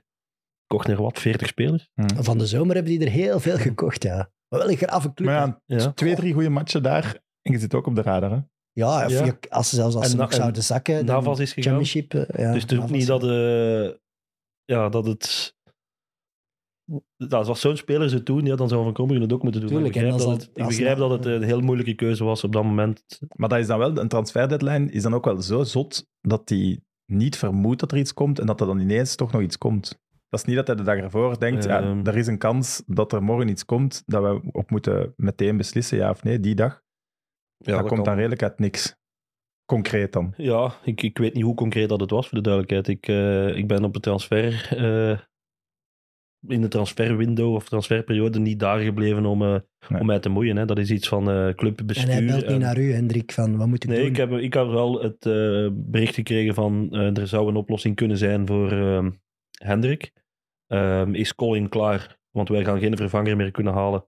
Is Colin klaar om eh, twee te zijn? En drie, is de derde positie, ehm, vormt dat een probleem als Timon van Houten mee moet gaan op de bank die ook bij de Futures moet spelen. Dus ja, dan moet je gaan kijken, komen wij een keeper tekort voor de rest van het seizoen als we hem laten gaan? Maar het was dan ook eh, misschien wel een financiële overweging dat... eh, ja, als iemand die niet speelt ehm, ja, kunt lozen, dan hebben ze dat ja, goed gedaan. Als het echt had gebeurd, hè, maar het is niet gebeurd. Maar goed. En ze hebben hem achteraf nog nodig gehad om keeperstein te zijn. Dus, dus misschien maar best dat hij niet weg was, want ik, of ik, was, ik zat er nog. Eh, genoeg over Anderlecht, denk ik. Ja? Ja. Voilà. Eh, laten we het over u hebben. Ehm, als ik een doelman te gast heb, vraag ik altijd, waarom doelman? Ehm, ik heb de keuze niet echt gehad, denk ik. Mijn broer wel, maar ik niet. Ik, ehm, Jij bent nooit eerst voetballer nee, ik geweest. ben op mijn vier jaar stond ik in de goal. Echt? Ja, eh, Dat hoort je nooit. Is Nee. broer ouder? Mijn broer is ouder. Dus ging, die ging jong broertje in de goal. ging eh, voetballen bij Aarschot. En mijn pa, mijn v- grootvader en overgrootvader waren allemaal keepers geweest. Mijn broer is beginnen voetballen en ja, ik kwam mee met mijn grote broer. En mijn pa heeft gezegd, oké, zet u maar in de goal. In dat ploegje. Dus ik was vier jaar en ik stond ja, in de goal. ik heb de keuze niet gehad. Ik heb ook nooit ergens anders gestaan. Nooit, eh, Maar dus jij bent de vierde generatie doelman Ja. in uw familie. Dat wordt je ook niet allemaal even slecht. Uniek zijn. nee, mijn volgende vraag was, wie was de beste? Ehm, Ja, dat- jij dan ik denk, ja, ik heb het verste gebracht, ja. Ja. Mijn pa heeft een eh, gecompliceerde ehm, armbreuk gehad als hij jong was. Hij heeft nooit nog... En mijn overgrootvader, denk ik, dat het hoogste gespeeld had dan wat Voor dat u. tweede of derde klasse in... Ja, spreken van 100 jaar terug. Dus, Het zit dus wel in de genen. Ja, maar dat is ongelooflijk. Vier generaties keepers. Dat is toch een soort van... Allee, Ja. Ik zeg niet verplichting, maar toch wel van... Oh ja, het zou fijn zijn als de Frank... eh, ja, maar dus, ik ga me hè. er zo niet pushen als is. eh, en zware trainingen en zo. Want eh, bijvoorbeeld Luc Niels bijvoorbeeld, met zijn vader... Dat Ja, was dat echt wel oefenen, ja. links, rechts. met mijn pa, die was dan kipperstrainer in Betekom, als ik bij Liers in de jeugd zat. Eh, en dan ging ik s'avonds, want ik had dan, wat was dat, de woensdag of een donderdag, ik, ik wil er vanaf zijn, ik had dan ook één vrije dag of twee vrije dagen als ik jonger was. En dan ging ik eh, mee bij Betekom, bij de eerste ploeg, eh, waar dan mijn pa trainer was, nog een keer meetrainen. Dus dan was ik als jonge gast aan het meetrainen met de, met de oude gasten. Ehm, dus ja, dat was dan ook extra training. En dan, omdat er ook wel iets, iets die eh, met een paar is geen grote eh, voetbaltrainer of voetbalkenner, maar wel eh, heel gepassioneerd van, eh, van kippers geweest. En dat was ook gewoon, nou, ga maar mee, in plaats van op... eh, mijn broer heeft andere keuzes gemaakt, die ging op café en ik ging mee trainen. Hè. Voilà. Maar mijn broer, dat is ook als we dan in de zomer, als er geen training waren, gingen we ook blijven trainen en gingen we dat doen. Ehm, mijn broer, die had een traptechniek. Als ik hem bij de... eh, alle profs die ik heb gezien in mijn carrière, was mijn, mijn broer bij een top 3. Echt? Ja. Dat was, het is ongelooflijk, ik kan het niet uitleggen. Het was een soort Basseggio. Niet uit de middencirkel komen als hij voetbalde, omdat hij te zwaar stond. En dat, maar, maar, maar echt waar, de traptechniek ongezien. En ja, dat was dan altijd eh, met een paar op tijden van oké, tien ballen, wie wint? En ja, verdomme mijn tenen uitkuisen om te kunnen winnen van mijn broer. Dus laat je trap bijvoorbeeld, je broer wint dat garantie. Ik ben ook niet slecht, hè, Evert, maar... eh, eh, nee, wel, ik heb ook een goede traptechniek, maar misschien ook wel van mijn, van mijn broer. eh, Ja, dat moet dan altijd- toch in de genen zitten. Als je allemaal zo'n goede Ja, of traptechniek gewoon omdat je altijd ge- dat gedaan hebt eh, op je vrije momenten. Met je pa op een voetbalveldje eh, ergens achter. Dat was, dat was alleen maar voetbal, voetbal, voetbal hè, als we jong waren. Een beste tijd eigenlijk. Hè. Sowieso. Ja. We Ja, gingen nog buiten spelen. Hè. We, we gingen nog shotten op... eh, En zoals het donker was, de lichten van het huis allemaal aandoen, dat dat zo net genoeg licht gaf om nog te kunnen doordoen. Zo'n ding, dat is sowieso de beste tijd. Eh, je ging van Aarschot naar Lierse, maar dan toch niet bij Lierse doorgebroken. eh, nee, Liersen eh acht jaar gezeten, denk ik. Van mijn acht tot mijn zestien of iets in die aard. En Was dat nog met vets? ja, Marcel heeft mij meer de retourtjes rond het veld laten lopen voor overgewicht. en, eh, nee, maar Maar was toch heel, een geniale jeugd. heel, heel eh, streng, maar heel goede, hele goede mens. Ehm, heeft veel van geleerd, heel veel van opgestoken. Maar ik denk op het moment dat Lierse, of dat ik ging de overstap maken naar prof worden bij Lierse, dat was altijd wel zo'n traject, ehm, was het Sejong J-schandaal, waar dat dan de club redelijk eh, Ja. door geraakt werd. Ik denk dat ze dan het jaar nadien, of ja, ik, ik wil ervan afstaan, ik denk misschien dat jaar dat het eigenlijk uitgebroken is, ben ik eh, naar Sint-Truiden vertrokken. Omdat het daar ja, helemaal eh, naar de kloten was, om het zo Niet, niet omdat, omdat Lierse zei, kom, eh, je gaat het niet halen, je moet weg. Nee, nee, nee. nee. Want eh, wie was er dan? Cliff Mardelier. Dan hadden we nog Yannick Dirks. En Dirks eh, moest dan doorschuiven naar tweede positie. En ik ging derde positie worden. Maar Yves van der Straten was er dan ook nog. En allee, het was een beetje een, eh, een raar seizoen om naar uw eh, eigen carrière te kijken. En eigenlijk was dat door de problemen bij Lierse dat ik, dat ik vertrokken ben naar Sint-Truiden. Maar bij Sint-Truiden hadden ze wel Deelkes en Belic ook nog voor u. Ehm Maar ja, Deelkes nog niet, denk ik. Nee? Ik denk dat Belic was daar en ik denk met Bram Castro als ik toekwam. Ja. En Deelkes is dan gekomen, En die Castro is nog Castro- naar, naar Holland gegaan, denk ik dan. hè? ja, en... Of terug naar Genk? Nee, naar Nederland. Ja, Ik denk naar Nederland, maar ik ben ook niet zeker. ja hij is naar Nederland gegaan, inderdaad. Ehm, dus Bram was daar samen met Doezan. Dan ben ik erbij gekomen omdat Chucky Matthijssen mij wel kende als jonge gast. en die heeft mij eigenlijk de, de kans gegeven om eh, mijn Maar- eerste profploeg te Had je zelf het gevoel op 16, 17, ja, ik ben hier wel echt een talent, ik ga het hier maken? Ja, toch. Ja, Ja? eigenlijk wel. Want je zit, Dan zat je in de nationale jeugdselecties en Ja. zo. Ja, oké. als je daar altijd onbetwist alles speelt tot bij onder 21, denk ik niet meer. Dan heb ik altijd in mijn leeftijdscategorie eigenlijk altijd gespeeld en altijd eh, erbij geweest op zijn minst. En dan weet je wel, oké, in mijn lichting ben ik een van de betere kippers. Je begint je dan ook een beetje te meten hè, in die jeugdmatchen van ik speel tegen mijn concurrent of ik speel tegen een goeie. En dan weet je wel, oké, ik zit op een niveau. Maar dan komt je natuurlijk, is een stap. Dan zeg je nog geen prof. Hè, dus is iedereen van zijn niveau of van zijn eh, lichting kan de beste zijn. Maar als je ene keer in die grote pool komt waar dat eh, uit 15 generaties je de Ja. beste moet zijn, dan wordt het ineens een pak moeilijker natuurlijk. Want wie was dan bij de belofte Bailly? Logan Bay en ik denk Glenn Verbouwheden misschien ook. Kan ook wel. Ah, nee, de nee, Glenn was niet mee als ik naar het TK ging. waanzinnige generatie. Ah, Cordier was mee. Oké. Ah, Michael ja, Cordier. Van La Louvière. Ja. ja. De opvolger van Proto daar eigenlijk, Ja, denk klopt, ik. klopt. En Brussels?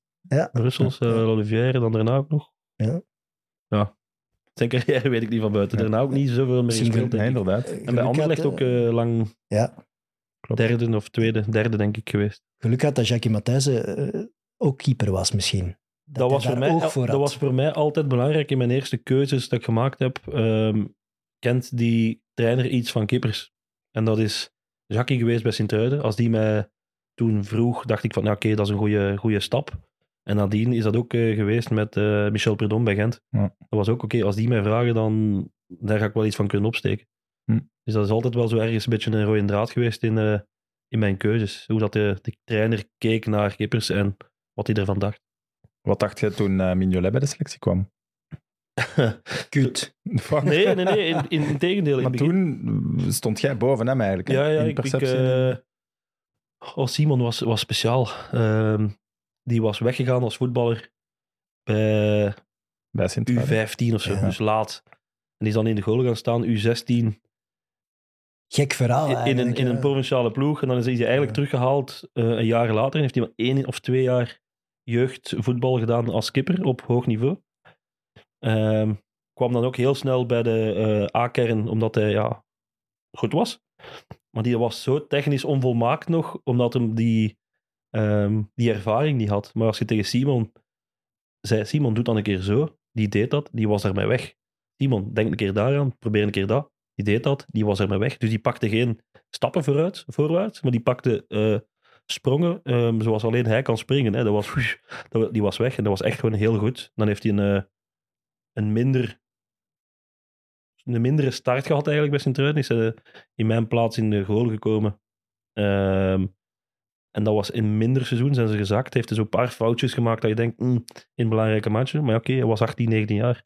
Hij mocht die fouten nog maken. Alleen was het jammer als Sint-Truiden dan degradeerde. Ja, want we hebben dat hier ook over gehad, hè, dat er twijfel was eigenlijk van moeten we toch geen ervarene keeper gaan halen om in tweede klasse terug over Ja. te gaan. Ehm, en ik weet ook dat Brepoels toen trainer was, die vroeg mij nadrukkelijk, eh, ik wil een voetballende kipper van achteruit. Die, eh, Simon is niet zijn sterkste punt op dat moment, want ja, daar heeft hem ook stappen in gezet.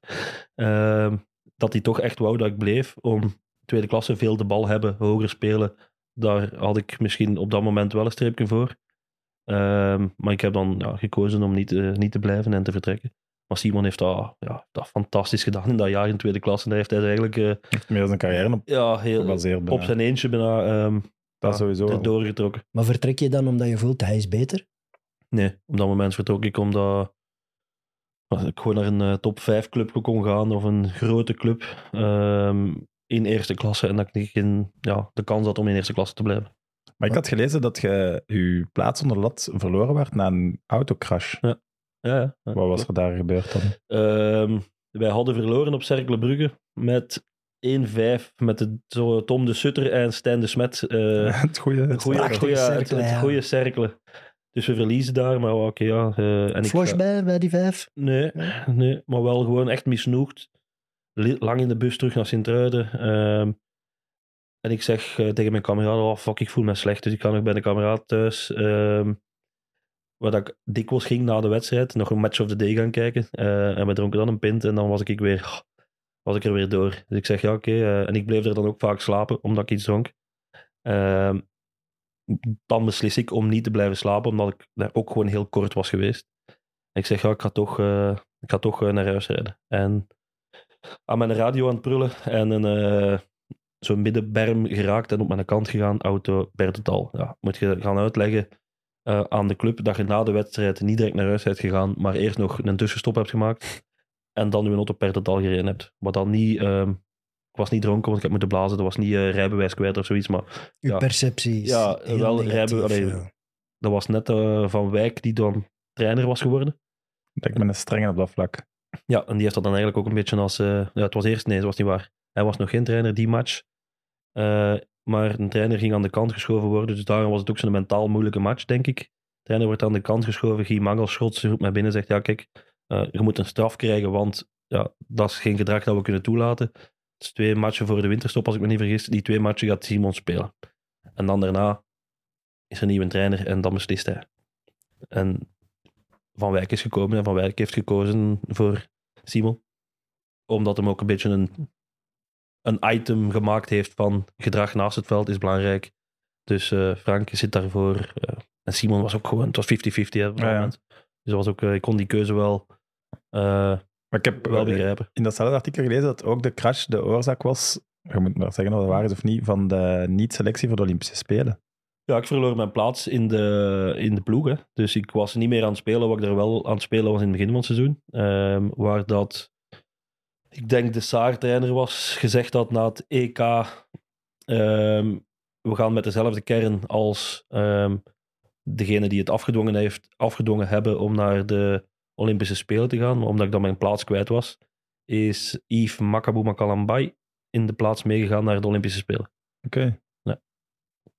Dat dan... On, historische- vind je dat? Nee, ik heb er nooit van wakker gelegen eigenlijk. Want ik voel me niet zo'n Olympische god of zo. Nee, maar ja, kom. ik ben absoluut niet is- Olympisch kalm, dat kan ik wel zijn. Nee, maar- maar dat is toch wel in je carrière een van de grotere momenten dat je misschien gemist hebt. Misschien is dat het grootste. Ja, maar als je, als je daar nu...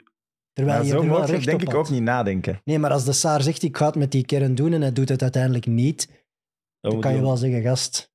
Ja, dan kan je, kun je zeggen gast en dan zegt hij, ja, ik heb mijn keuze gemaakt. Dus ja, dat is een gesprek dat je... Ja, dan denk Ja. ik gast terug. ja, ja. Moga.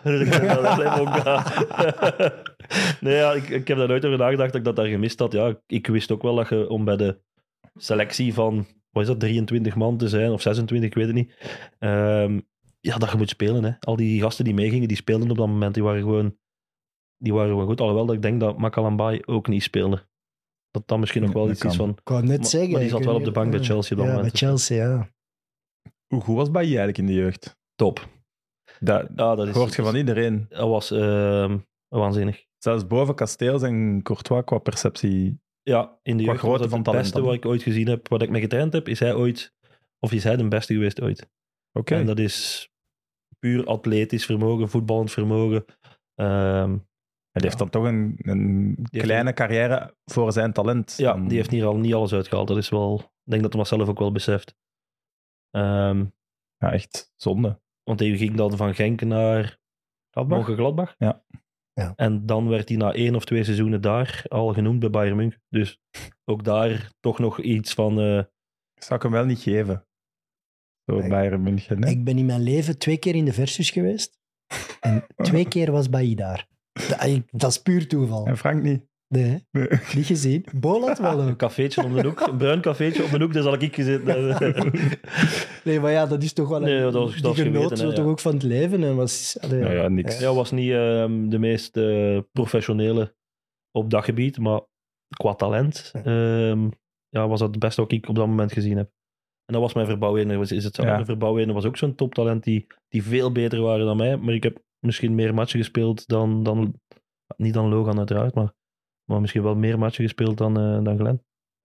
Ja, we hebben eigenlijk wel echt een, een land van traditie van goede keepers toch De eigenlijk. keeperstraditie die wij hebben. Dat In de jeugd en in de eerste. We hebben de laatste, allee, Jean-Marie Pfaff, maar ook de generaties daarvoor, sindsdien hebben we altijd een keeper gehad die in de top 10 van de wereld zat, denk ik.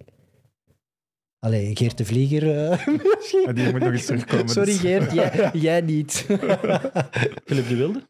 Die was goed, hè. Die was goed, ja. Ja, maar wel, wel, een, wel onder, Onder Predom, Courtois. ja, dat, dat was wel de generatie wat Ja, iets minder was. dat Dat moet je ook wel eerlijk Ja, die heeft ook in Lissabon gespeeld. Ja, dat is ja, ook al, dat is een eh, goede keeper, hè. Ja. Het was wel geen succes toch, die transfer. Nee, maar dan een jaar of twee en dat hem dan terugkwam. Ah ja, dat is Geert de Vlieger eh, moest Ja. terug naar de bank toen. Hè. Eh, wat dacht je toen A-agent kwam aankloppen? eh, Waart je niet verbaasd op zich? Nee, want ik was nog wel bestempeld, ik werd nog wel bestempeld als talent. hè. Ehm, en ja, Gent was zo voor mij oké, leuk, goed. Dat wil ik doen. Pardon, keeperstrainer, eh, sorry, trainer. Dus eh, En belde die persoonlijk met u om je te vertellen? nee, dat is via een makelaar gegaan. Ik ben dan naar een wedstrijd geweest. Wow, dat was al voorbereiding als ik, als ik gegaan ben, want ik heb de voorbereiding met Sint-Truiden nog meegedaan. Oké. Ehm oefenwedstrijd, Gent. eh, ik weet niet tegen wie, er is een kleine ploeg. Eerste wedstrijden van het seizoen. En ik ga naartoe, ik ontmoet hem. eh, ja, hoe dat hij over voetbal sprak en over eh, mij sprak. Dan dacht ik ook, oké, die kent mij wel eh, degelijk. En het was ook duidelijk dat ik daar ging als doublure van... ehm, op dat moment, wie was het? Jurgassevic. Jurgassevic, ja. Ja. Ehm, en dat ze Belgen nodig hadden. Dat is ook gewoon, denk ik, een van de redenen. Ze hadden Martinovic, maar dat was ook een itch, dus ook geen voetbalbelg. Ehm, dus ja, ze hadden ook gewoon Belgen nodig. Dan is een ideale, eh, is een, te- een tweede kipper. Dat Doe je dan je loon plus 10%? Zo zo zeggen, we hebben echt een Belg Nee, maar ze hebben ze niet gezegd. Maar ja, je kunt een beetje door de, Ja. tussen de linies eh, lezen waarom hadden ze Belgen nodig. Ja, er was er al de ene een itch na de andere een itch eh, op dat moment. Dus ja, Predom heeft daar een, een grote keus gehouden ehm, in die kern. Dus hij heeft ook wel die middelen gekregen en gezegd, oké, goed, die gaan weg. En er waren veel itchen die weg waren, moesten. Ja, gewoon omdat er te weinig Belgen waren. Hm. Ik weet dat dat toen was dat de regels veranderden, dat weet ik niet. Eh, ja, ik denk het. Dat zou goed kunnen. Dat lijkt me zo die periode. Ja. Gent was, wa- was op dat moment is ook altijd een transferclub geweest met heel veel Hmm. doorloop. Hè. Dat, waanzinnig veel ja, transfers die hadden, vaak. hè, die de hadden ook zomer. heel veel eh, schulden. Die Ja. hadden die transfers nodig. Hè? En dat heeft Louagie ehm, echt wel goed gedaan bij Gent. Is gewoon ja, er een, de eerste club die misschien door had dat het een doorgeef-competitie was. Hè? Als je een kunt halen en verkopen, haalde een ander uit een kleinere competitie om naar een grotere competitie te brengen. Alleen, ja, je moet een constant in je niveau houden van je ploeg ook. En dat was bij Gent ook eh, te, veel, te veel zo. Maar is Ja. dat, is dat voor u een oké reden genoeg om te gaan? Van, dat zo'n predom zegt, ja, ik heb gewoon Ja, maar anders moest hem zakken hè, met zijn truien, hè. voetbalbelg nodig. Had je niet gezegd van, ja, ik wil naar een ploeg gaan waar ik sowieso eerste doelman ben. Of, ja. Maar je- op zich is hij op dat moment nog jong. Ja, ik Dus had nog wel tijd nog om, wel- om, om tweede keeper te zijn. Eh, en als ik het daar goed deed en Jurgasevic vertrekt of ging stoppen of weet ik veel, ja, dan eh, moest hij klaar zijn. Dus er was ook wel een, een, een plan met mij en voor mij uitgelegd. Hè. Het is niet alleen dat ze zeggen, welkom, je bent Belg. Eh, nee, het was ook wel gewoon... Anders mogen ze mij altijd bellen. dat, gaan we, dat gaan we doen. En dat moet uw ambitie zijn, is druk zetten op Jurgasevic, bijleren van Jurgasevic en dan overnemen als hij vertrekt. ja, en ik snap wel dat een, een figuur als predom u kan overtuigen om een transfer te maken. Ik denk wel Ja, dat het vrij ook- dwingend ik kwam, kan zijn. Ik kwam dan van Sint-Truiden en Sint-Truiden, met alle respect, was ehm, totaal nog niet professioneel voetbal zoals we dat nu kennen. Hè, zoals Sint-Truiden dan nu waarschijnlijk wel zal zijn. Maar dat was echt nog een beetje eh, ja, voetbalvolk en vuur. En Ja. dat was ja, een beetje folklore. Hè. Ehm, en dat was ook in die ploeg was dat zo'n beetje eh, de normale gang van zaken. Als gewoon, ja, dan was het feest tot, eh, tot vier uur s'nachts. Ehm In Gent niet? Nee, Perdom was daar en dat was redelijk. eh dan moest het toch in een duik gebeuren. Dan moest het toch een beetje. eh, als het gebeurde. Ja? Ja, ja. Ik heb mijn volgend hoofdstuk hier. dat, is- dat kan een heel lang worden, dus. ik zal een keer denken. ja, ja, dat is heel goed. Je bouwde in die reputatie een beetje, in die periode een beetje een reputatie op van iemand die wel eens graag iets dronk. Ik denk niet dat ik daar iets mis mee zeg. nee, maar Voilà. naar mij toe kunnen niks mis zeggen, denk ik. Eh, nee, dat is ook zo. Ik ging graag op stap. Ik was jong. Ik was. eh, boah, knap ga ik niet zeggen, maar ik was, eh, ik was vrijgezel op zeggen? sommige momenten. Ehm, dus ja, dan gaat als jonge gast een keer buiten. Ik was de eerste keer dat ik. ehm, niet de eerste keer, maar ik woonde alleen in Gent. Dus ja, dan gaat het buiten, dan zoek de vrienden, dan... eh, Gevaarlijke stad wel, hè? Om uit te gaan. Allee, daar valt veel te doen. Ah ja, zo. Als jonge gast, voetballer. eh, ja, ze zien u graag komen. eh, en je hebt de overpoort. Allee, je hebt daar wel veel te Hmm. doen, toch? Als je wilt, zijn je elke avond in de week weg. ja, dat is mijn studentenstad, maar ik woonde ervoor in Leuven, dat was niet anders. Dus, ja. Nee, dat is zelfs misschien nog ja, erger. ja, dus... Ik dacht, Sint-Truiden en Gent is een groot verschil, maar Leuven en Gent is inderdaad Nee, nee, geen Ik verschil. woonde in Leuven als ik bij Sint-Truiden speelde, dus dat was eigenlijk... eh, ja, dat was niet, niet zoveel verschil, dus... Maar, is dat op dat moment een bewuste keuze? Wat ik bedoel daarmee, ja, van, wel. van wel te zeggen, ja, oké, ik ik, ik beslis wel, ik ga in Gent wonen en ik ga wel af en toe eens iets drinken. Omdat ik ik had dat, leven voor ogen heb, Ik had dat dat nodig. Ik had dat nodig voor met alle ehm, stress. En voor mij was dat ook gewoon nog een spelletje. Hè. Ik bedoel, ik kwam ook van Sint-Truiden, waar dat normaal was. Predom die zeiden van, ja, dan, dan, dan mogen we niet, dan wel, dan maakt het mij weinig uit. Ja, dan doe je dat soms een keer in een duik, of dan doe je dat een keer in plaatsen waar dat je niet kunt betrapt worden, of, of dan doe je dat thuis. Hm. Maar ik had wel graag, ik ben altijd iemand geweest die eh, sociaal contact met ploeggenoten en vrienden eh, belangrijk vond. Anders was ik makkelijker naar het buitenland gegaan, maar ik had dat niet. eh, ik had altijd zo dat, dat- dat- In het voetbal maakte niet veel vrienden, Sam. Dat is het gewoon. Dus ik had mijn vrienden altijd Dat snap daarbuiten. ik. Maar ik snap ook dat je die decompressie nodig hebt. Dat, is- dat verschilt denk ik ook gewoon van persoon tot persoon. Maar het, het zal misschien niet bij iedereen aan zijn, eh, aan zijn karakter blijven plakken. Door de media, door de pers, door verhalen. Er zullen er zeker zijn die, die misschien veel meer op stap gaan, maar waar het niet zo aan plakt als Hm, bij ik u toen in dat die periode. weg. Ik, eh, ik lieg niet. Allee, Sam vroeg me ook, zijn er dingen waar dat we het niet over mogen hebben? Ik zeg nee, ik heb geen geheimen. Ik heb ook nooit geheimen gehad. Maar vind je eh, het dan niet super irritant? Dan zeg je, ah, dat Nee, je kunt er nee, want tegen- het is ook Stap die gezellig. drie Je kunt daar tegen gaan vechten, maar dat, dat vraagt zoveel energie. Waarom zou ik dat doen? Ja. Ik ben toch een jonge mens eh, geweest en nog. Omdat die in hun carrière misschien niet handig is om zo'n naam te hebben. Klopt, daar ben ik 100% mee akkoord. En dat zal mij ook wel transfers gekost hebben. Ehm, Dat bedoelde ik eigenlijk met bewuste keuze, maar het was slecht verwoord. ja, nee, dat zal mij waarschijnlijk wel dingen gekost hebben, maar ik heb nergens spijt van. Het enige waar ik spijt heb van gehad is dat ik eh, ooit zat in mijn auto ben eh, gestapt ehm, en dat zou ik nooit meer doen. Dus ik heb mijn leermomenten ook wel gehad als jonge gast. Hm. Is dat niet on... eh, allee, ik heb eh, een boom geraakt, of wat was het, een verlichtingspaal, maar als ik iemand anders raak of iemand kwets, Ja. dat zijn dingen... Ja, dat ga ik nu niet meer doen. En dat deed ik toen wel. Allee, niet, niet frequent, maar ik heb het gedaan, dus ja, ik moet er ver, Als verboeten. dat het enige is waar je spijt van hebt, dat je een mooi leven, denk ik. Dus, Hm. voilà. Maar klopt het dat je ooit hebt verkleed om uit te kunnen gaan? Dat was, bij, dat was Sint-Truiden nog, ja. Ja, dat was bij Sint-Truiden. Eh, Sinterkla nee, ja, Sinterklaas en, Ja. eh, en de kerstman. ja, dat hebben we gedaan. En dat valt niet op als je een café binnenstapt als Sinterklaas. Als, het was juni of zo, het was echt in de, het, was echt in de, het was echt in de zomer. Maar we mochten niet uitgaan. Het was ook zo dat wel gezegd van, ja jongens, en als ik niemand, eh, als ik, het was goed weer en iedereen ging naar Hasselt. En, en dat kun je niet zien met de voorbereiding. En eh Egon Wissioski en ik hebben dan, ja, keer gekeken, Maar, gekeken wat er nog op de zolder lag bij hebben. we zijn toch... maar dat was onze humor, dat was grappig. Maar dan moet het toch zelfs zo warm zijn Ja, dat was echt warm. Maar ja, oké. We waren wel niet herkend, hè, dus... het is Ja, wel gelukt. Dat gaat, dat gaat toch direct rond. Allee, de Ja, maar dat was toch zo voor de, de social media eh, periode. Hè? Dus dat heb ik ook wel zien veranderen. Vroeger konden een keer dingen in de duik doen. eh, een keer stiekem. Maar tegenwoordig, een voetballer kan niet meer stiekem op café of er is een foto getrokken. Nee, v- Constant van de Stok bijvoorbeeld, vroeger, die had contacten met buitenwiepers van de discotheken in Brussel en zo, en die hielden Ja, hem dan de op de eigenaars, hoogte. denk ik. Maar... Of eigenaars, Ja. ja. Welke spelers eh, er gespot waren. Michel Predom had dat in Gent toch ook. ja. We hadden een keer eh, verplicht op hotel moeten gaan tijdens een... eh, met een man of vijf, denk ik. Ehm, tijdens de Gentse feesten waar we ja, toch even gaan kijken, hè, de Gentse feest. En ik denk dat... Moet.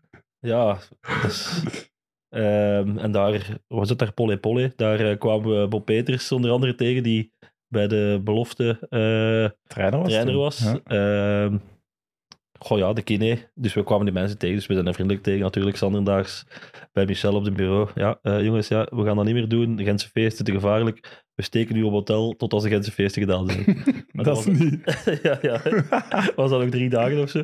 En nog drie dagen eh, verplicht op hotel moeten gaan. eh, en dan belden ze ons op de kamer om te zien dat we er waren. dat was, ja. Oké, dat was in Gent. Dus ja, dat was ook heel makkelijk om te zeggen van... eh, ja, jongens, kom maar af. Ik heb hier een hotelkamer. Dus ja, dan waren mijn vrienden gewoon bij mij op hotel. Minibar. ja, nee, dat was op de rekening van, van Gent. Eh, wat is een boekje? Dat is een hele grote pint. Oh, 33 centiliter. Nee, het was meer. Ah, oké. Ja, dat is... ehm, ik had een café eh, waar ik altijd ging eh, vroeger. Van een hele goede vriend van mij. Je Ehm, mocht reclame maken, hè? het, is, het is al gesloten. Het Ah, bestaat niet meer. Dus de boekjes eh, niet meer... Sinds dat jij niet meer in Gent speelt, is dat gedaan Ja. of wat? Ja, nee, het is nog maar net, net gedaan. Het is nu van dit jaar is hij ermee gestopt. Ehm, na corona, zoals veel, denk ik. En ehm, ja, dat was gewoon een, een, een ludieke manier om te zeggen van de vrienden mochten zelf iets op de kaart, want hij wou, hij wou zijn, zijn kaart vernieuwen. Dus er stond ook een charletje op en er stond ook een, eh, een boomke eh, en, en een peksken, hè, dat stond er ook allemaal op. Maar ja, kijk, eh, bij mij was het dan natuurlijk in de media weer, weer beland. Een boekskin. En dat was dan zo een, een, een boerke, een, een boerke, een Stella-boerke. Maar dan eh, van de Ikea, dus dat was eigenlijk gewoon een vaas. En dat was... ja, zo die glazen. Ja. Oké. En ik denk dat dat een liter 25 was, dat er daar vijf Woef. pinten in konden. Dus dat was er daarin en eh, zei van, geef mij een boekje. Dat was, ik heb er maar twee gedronken, dat had ik goed best gedaan. Eh, hoe komt het aan de bijnaam Frank de Tank? Ehm Jelle Scherlij heeft mij die gegeven. Een vriend, eh, een vriend van mij die... Ja, waar dat we, s- hij zat op kot in Gent, speelde bij mij in Sint-Truiden. Ehm, dus ik leerde hem daar weer kennen. Of eh, daar zag ik hem weer. Want ja, wie ken ik hier in Gent als ik hier alleen zit? Dus hem kende ik. Ik ging met hem. En wij keken nogal een keer graag... eh, en wij dronken al een keer graag in Overpoort een pint. En dan gingen wij naar een film kijken. En dan was dat eh Old School. Waar dat Frank de Tank ehm, in meedoet dan gingen we op het einde van dat jaar ehm, normaal gezien op vakantie gaan. Ik denk Italië dat dat, dat gepland was. Ehm, maar ik moest dan toch nog trainen voor, ik denk dat EK of, of denk het EK. Denk het ook. Ehm, dus ja, ik kon niet meer op vakantie. Ik moest nog trainen. En dan ga- gaf hij, of heeft hij op die vakantie, een t-shirt laten maken. ehm, Frank de Tank. En hij zei, als je... Ik heb die dan, hè, dat was voor met te spelen. Of ik heb die een keer aangedaan met te spelen. Ik was wel wat bijgelovig. Dus ik heb altijd met die t-shirt eh, blijven spelen. Dus elke match bij Gent had ik die t-shirt onderaan. En En Ja. die is dan ooit gestolen geweest. ja, die is Gelezen. gestolen geweest. Als ik bij Oh, Antwerpen... steelt zoiets? Nee, dat was Wie? een hele voetbalzak. Dus als ik was Ah. eh, bij Antwerpen en daar was elke, elke euro ontbrekend op dat moment. Dus ik denk dat er de ene moet gedacht hebben, die voetbalzak kan ik hier nog verkopen. Uit de Eh, kleedkamer gepikt. ja, ik denk uit de kleedkamer of ik denk uit de... Ja, ik weet niet. In ieder geval, hij is daar verdwenen. En daar zaten dan ja, dingen in dat ik nog wel ging nodig hebben. Hè. Een paar voetbalschoenen, eh, ja, dat kunnen we nog opnieuw kopen, maar van die scheenlappen die op maat gemaakt zijn naar, naar uw scheen, ja, die kan niemand anders aandoen. Dus ja, dat is Ja. zoiets, dat kost veel geld. Eh bijgeloof, t-shirt, eh, zo van die dingen dat ik zeg van ja, oké, dat ben ik Voilà. wel kwijt. Dus een oproep, stuur anoniem die t-shirt terug. We gaan er niet achter Ja, wie dat het gedaan heeft. Anoniem terugsturen naar Sporthuisgroep in Vilvoorde. Wie zou dat zijn, joh? Ja, wou- eh, een goede vraag eigenlijk. Ik heb er nooit aan, nooit aan gedacht om te zeggen van, oh, ik heb die t-shirt. Nee, ik was gewoon, oké, ik ben hem kwijt. Ik doe wel iets anders. En daar, ja, je- ja, je bijgeloof weg. Maar ik had dat niet nodig. eh, dat was gewoon meer iets, ja. Ik heb altijd zo dat bijgeloof is... Ik, ik noem dat bijgeloof, maar dat was eigenlijk gewoon... Een hou Een- vast zo meer. Ja, een... een, een, een pff, ik weet het niet, om, om in de concentratie te Ja. komen voor een wedstrijd, deed ik altijd dezelfde dingen. Maar de originele Frank de Tank was, was in de film een streaker. Ja. Het is niet dat het daaraan gelinkt was. nu komt misschien ook wel gebeurd. Misschien ook wel gebeurd. Ja, we gingen wel eh, van tijd een keer nachtelijk... eh, we hadden zo wel wat spelletjes dat we speelden eh, met Jelle Scherlijn. Dat was onder andere... ehm, eh, ja, dat was een van de dingen. Dan eh, weddenschappen verliezen, dobbelstenen smijten. de, degene die verliest moet naakt in een zwembad gaan springen. Eh, van mensen die je niet kent, voor de duidelijkheid. Dus ja, dat is... dat, zijn, eh, dat zijn dingen die gebeurd zijn. Dus de bijnaam is goed gekozen. We hebben zo, kent je zo een trechter met zo'n een, ja, buis Zo'n buis, ja. zo Bong, of hoe noemt dat? Is dat niet? Nee. Ja. Ik heb Nee, nooit roken, hè, drinken. Nee, maar is dat niet Ah, een ja. bong dat je doet? Ja, wij noemen dat Frank de Tank. Dat dat ook een Ja, dat, tank is- dat heb ik nooit gedaan. Ja, Dat was voor u? Ik eh, eh, googelde voor deze opname Frank de Tank. Er is een bekendere Frank de Tank, blijkbaar een zware Ja. drugsdealer, die ook Die heb ik ook al heel, heel dikwijls doorgekregen. eh omdat Ja? ik iets moest eh, opwichten. een Antwerpse drugsdealer die meer dan twee ton coke door de haven van Antwerpen had gesluist, noemen ze Frank de Tank. En toch Wie was er spijt. eerst? Eh, Daar heb ik niks mee te maken, met de duidelijkheid. Eh, na het vertrek van Jorasovic naar Brugge, word jij de eerste doelman. En toen hebben de fans zo'n Frank de Tank polo's willen doen. Kent je dat verhaal? Nee. Ja, en de club, club heeft het dan verboden, las ik. En daarom dat ik het wou vragen, want ik wou het verhaal er nu eens over weten, want dat is toch raar om te verbieden. Ehm goh, dat ik wel weet dat ik eh, kwam in de goal en ze haalden Sergio Pat op dat moment. Ja. Ehm, en ik heb wel het gevoel gehad dat er daar heel veel vanuit de club een beetje tegenwerking was naar mij om niet ja, de plaats van Sergio Pat in te nemen. En daar heb ik ook altijd wel gevoeld dat, dat ze hem wouden pushen. ehm, dat hij gehaald was, misschien met beloftes. Maar ja, als een trainer zoveel vervangt, dan moet altijd weer een nieuwe keuze gemaakt worden. Dus ik heb dat ook wel vaak gewonnen tegen de verwachtingen in misschien. En misschien dat ze dat er een beetje, dat ze mij wat kleiner wouden houden dan, eh, Maar is dat dan omdat hij veel waard kan zijn voor de club? Allee, ik, heb altijd, ik heb altijd, en dat is iets, ik heb mijn, eigen nooit overschat. En dat is ook iets, misschien soms wel wat onderschat, maar zeker nooit overschat. Ehm, en ik probeer ook altijd, of ik dacht altijd aan het. Ik was een ideale tweede keeper. Waarom? Ik was Belg. En ik was geen moeilijke jongen. Ik was goed in omgang met al mijn ploegmaats. Ehm, ik was nooit geblesseerd. Ik was altijd beschikbaar. Allee, ik was echt een ideale tweede keeper. Maar als je gaat kijken naar van wie kan een club geld maken. Ik ben een meter 83. Daar kan een club geen geld van maken, want je gaat niet naar een, een topcompetitie kunnen gaan. Dus je zit in Gent, je zit een... Ik voelde mij op dat moment ook al Gentenaar. Ik was er graag.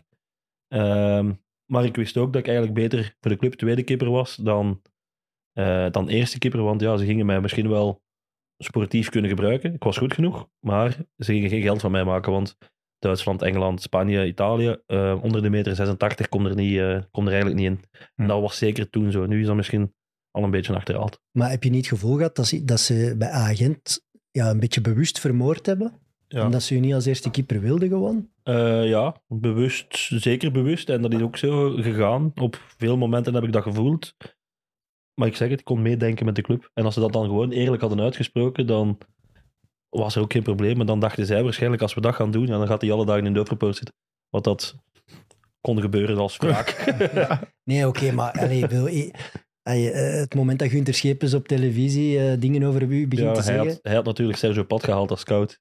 Dus dat was een beetje een eh, belangenvermenging van hem op dat moment. En dat was, ik kon daar nog wel mee lachen, maar ja, Ja, maar het is wel... Als iemand Als vanuit club ja, zo openlijk doet je doet op toch niet? televisie... Nee, dan nou, ik vond dat ook een heel foute, een heel foute ehm, Maar het was vooral duidelijkheid, je had een motivatiebaard. Nee, dat was een weddenschap met mijn cafébaas, maar dat, moet, dat wist niemand. Dus, eh, Ah, dus ik had gewoon tegen een journalist eh, gezegd, ja, dat is mijn motivatiebaard. Dus zij hebben er eigenlijk een verhaal rond gemaakt. Ehm, Wel, wel go- goede PR. Ik vind, ja, ik vind had, goede Twitch. ja, maar het is ook zo. Ik had eh, degene die zijn baard het eerste eh, ging scheren, die moest de reis naar Las Vegas betalen. Dus ja, dan heb En dan... dat kan duur uitvallen. En dan had ik een motivatie. En dan was dat een motivatiebaard. dus eh, Nico heeft nog altijd zijn baard, ik niet meer. Nico heeft Nico heeft nog altijd, maar nee, niet meer zo lang. Hij heeft niet, maar toch wel een... Dus jij hebt de trip naar Vegas moeten betalen. Nee, want het was tot, eh, ik denk, einde seizoen of 1 januari, of het was zo'n deadline. Eh, allebei gehaald. Ja, alle twee gehaald. En ja, oké, uiteindelijk hadden we wel alle twee een hele eh, lelijke baard. Want ja, als je dat niet trimt op den duur, wordt dat echt lelijk. eh. maar ik had dan, eh, ja, gaandeweg ergens gezegd van, ja, ik scheer pas af als ik terug speel. Omdat ik wel zo een beetje rebel was tegen, ja, als je mij niet in de goal zet, ja, dan heb ik maar een baard. er was ook veel om te doen, dat jij niet speelde. Dus Ik verdiende op dat moment volgens mij om te spelen. Ja. Alleen, kijk, ja, ik speelde niet. En er, waren coaches die er geweest zijn die echt wel zeiden, ja, ik wil dat hij speelt. En, en er was dan een club die zei van, ja, maar we kunnen hem niet verkopen. Dat gaat altijd, eh, altijd op tafel gekomen zijn als we over de kern gingen spreken. Ehm, ik, wilde goed, ik had mijn kwaliteiten, ik had ehm, zeker ook mijn beperkingen, maar ik was wel zeer zelfbewust en ik kon wel Hm. ehm, redelijk presteren. Sergio was ook jonger dan mij, dus was ook weer een ja, minder ervaring. En je weet hoe dat gaat, hè. ze kiezen een keeper op basis van nu, maar ook de toekomst. En hij was sowieso meer de toekomst voor de club en ik was meer de, voor sommige coaches, nu moeten we presteren. Maar besliste Louagie dan dat je op de bank moest zitten? Ehm, nee, want ik heb nog bijgetekend terwijl ik dat voelde voor één jaar. En als je bijtekent voor één jaar, ja, dan zegt dat vaak heel veel. Ja, wie tekent erbij voor één jaar? Dus dat wil zeggen dat hij het niet, ehm, niet zag zitten dat ik langer bij de club bleef. Omdat ik toch wel te vaak de concurrentiestrijd aan het winnen was voor hem. Ehm, maar Victor Fernandez was coach en die was wel fan. Die was tevreden. Dus die zei van, ik ga verlengen voor één jaar. Verlengt jij dan ook voor één jaar? ik had daar ook een goede klik mee. Ja. Ehm, en die wordt dan na 15 matchen of zo eh, ontslagen. En ik denk dat ik een week later in de B-kern zat. Dus ja, dan... eh, En dan zeg je in een interview, dat komt ervan als je één persoon te veel macht geeft. Dus dat is toch wel duidelijk een aanval op iemand binnen de club. Ja, op Gunther Schepens dan. nee, ehm, heb ik dat gezegd? Ja. Allee, het is dat het heeft. ja, ik ben aan Maar het de- denken. vooral Nee, dat, zal, dat zal waarschijnlijk Misschien wel... Gunther Schepens zegt... Rednic ehm, Eh. was wel een beetje de...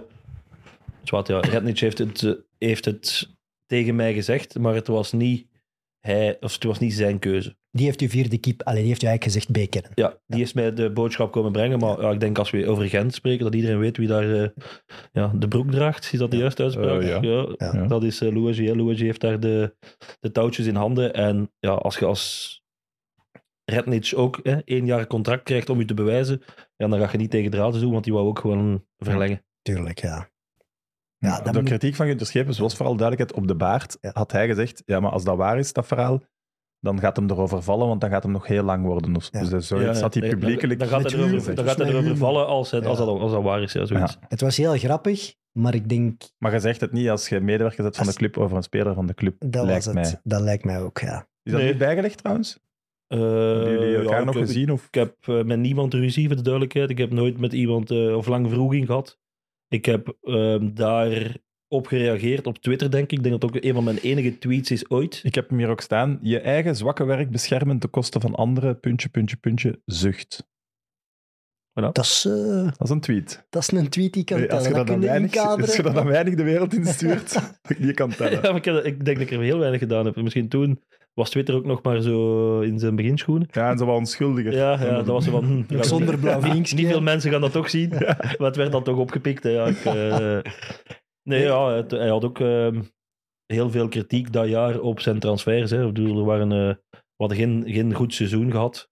Ehm, met, ja, dus zijn scout is dan het werk van hij en Louagie. Die hadden ook eh, het niet fantastisch gedaan dat jaar. Dus daarom dat ik zeg eigen zwakke werk waarschijnlijk. Hm.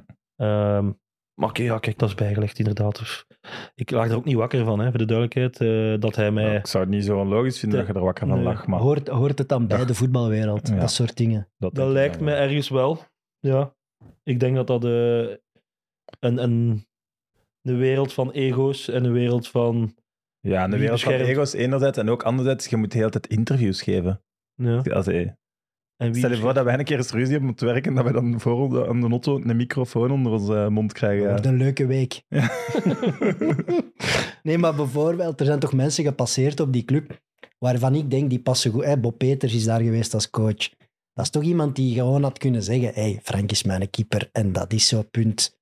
Dat is toch een figuur was- die dat kan doen. Bob was beginnend trainer. Ja. Kwam uit de jeugd. Dan krijg je de kans. Dan gaat er altijd iemand. Ja, ik weet het niet. Je, je kunt dat doen, maar je kunt natuurlijk ook eh, met je eigen eh, normen en waarden heel kort trainer zijn. Of je Ja. kunt zeggen van ik ga mijn eigen normen en waarden een klein beetje. Als het je niet te een wordt. de, een beste keeper hebben, omdat je daar de meeste punten Maar mee ik zeg pakt. niet dat ik de beste keeper was voor de duidelijkheid, want Sergio was ook een goede keeper. Ehm, en ik begrijp ook dat ehm Gunther hem gescout heeft, want hij is een meter 90 plus. Hm. Ehm, goede voeten, kwam van Ajax, maar was op dat moment misschien nog te jong om constant te presteren. Ik was niet meer zo jong, maar ze konden me niet verkopen. Ja, ik vind dat een logische keuze dat ze, Ja, dat ze hem dan- gehaald hebben. Dan Alleen, je nergens, hè, als ik- altijd die argumentatie zo werkt. voilà, maar ik moest mij daar niet bij neerleggen, voor de duidelijkheid. Nee, voilà. Het moet een strijd Ja, zijn. er maar moet als ergens ploeg een- moet je ervoor zorgen dat er een strijd kan zijn ook. Ja, het moet Ja. ook een eerlijke strijd zijn, want anders Ja. geef je het op en zeg je vanaf, Dat dan, eh, dan doe ik ook niet alles wat ik moet doen. En Ja. dat Ik heb heb- ik zo in, in, in Gent wel even gehad. Dat ik een moment had van, ja, dan, als het zo zit, dan doe ik er ook niet alles voor. Ik, heb zelfs eens, eh, ik heb zelfs gelezen dat je je geblesseerd hebt toen dat je een vuilbak omver hebt getrapt. Ja, maar dat, Ja, dat, is nog een ander verhaal. Ja, dat was, een, eh, dat was met Bob als trainer. Ja. en die had toevallig niks gezien, maar niemand van de trainers was op dat moment toevallig naar de training aan het kijken, wat ik niet kan geloven. Ehm, als een boyo die mij een kopstoot gaf. Dus eh, in een Daar werd daarna over gezegd, ik denk dat het door Louagie was, Frank daagde hem een beetje uit. Nee, nee. Ik heb dat gesprek zelfs opgenomen op mijn, eh, op mijn gsm toen. Dus, dus Kijk, je mocht het even afspelen, maar zo in de... Ehm, Anoniem. nee, ik heb, dat- ik heb het niet meer voor de duidelijkheid, het Nee. gesprek. Maar toen wist ik al wel van, eh, hij was... Want de, de reden waarom dat hij dat gedaan heeft, dat weet ik tot op vandaag nog altijd niet. Een boyo. Een boyo. Ja. Er was Ehm, niks, er was geen aanleiding. Ik deed een tackle op een rondootje, hè, zo 7 tegen 2 of zoiets. En ik doe een tackle tussen twee mensen in om de bal te blokkeren. Dus niet eens naar hem. Eh, maar ik denk dat hij... Het, het enige wat ik kan bedenken is dat hij zijn transfer wou ehm, afdwingen. En dat hij zegt, ik ga wat problemen veroorzaken. Ehm, goed, ik krijg een kopstoot uit het niks. Ja, dan wordt een mens kwaad. Zeker eh, als je eh, je verhaal wilt halen en ze springen met 10 op u om dat niet te doen. Dus ja, met een neusbloed. Dus ik zeg, ja, ik ga naar binnen. Dus ik ga ehm, redelijk rustig gekalmeerd eh, naar de dokter. En ja, ondertussen kwam ik een vuilbak tegen en moest nog een laatste, laatste frustratie uit. En ik heb die vuilbak in zeven stukken getrapt. Nee, maar dat begrijp ik. Maar met een teen ook. Dus ja, dus ja dat is dan... eh, en dan, oké, goed. Vooral kan dat kort houden, kan dat lang maken. Ik word op een bureau, ik vertrek kwaad. Ik zeg, ja, hier ga ik niet blijven, want zelfs komt hij terug binnen. Dan gaat dat hier weer een haantjesgedrag zijn tot en met. Ik had er geen... Ik zeg van, ga gewoon weg. Goed, oep. Sorry, dat is sowieso de beste keuze, denk ik. Om eh, dus bellen ze mij, ja, kun je vanavond nog eh, terugkomen op meeting? Ik zeg, nee, ik denk het niet. Ik was onderweg naar mijn eh, nichtjes, ik ging babysitten. Eh, dus ik zeg, ja, vanavond eh, gaat het niet lukken, want ik moet babysitten. Oké, morgen vroeg. Oké, goed, morgen vroeg ben ik daar. En ik kom in dat gesprek en ik zeg van, ik voelde al van, als, dat, gaat hier niet, dat gaat hier niet juist zijn. Want je weet, ja, uw eigen waarde binnen de club.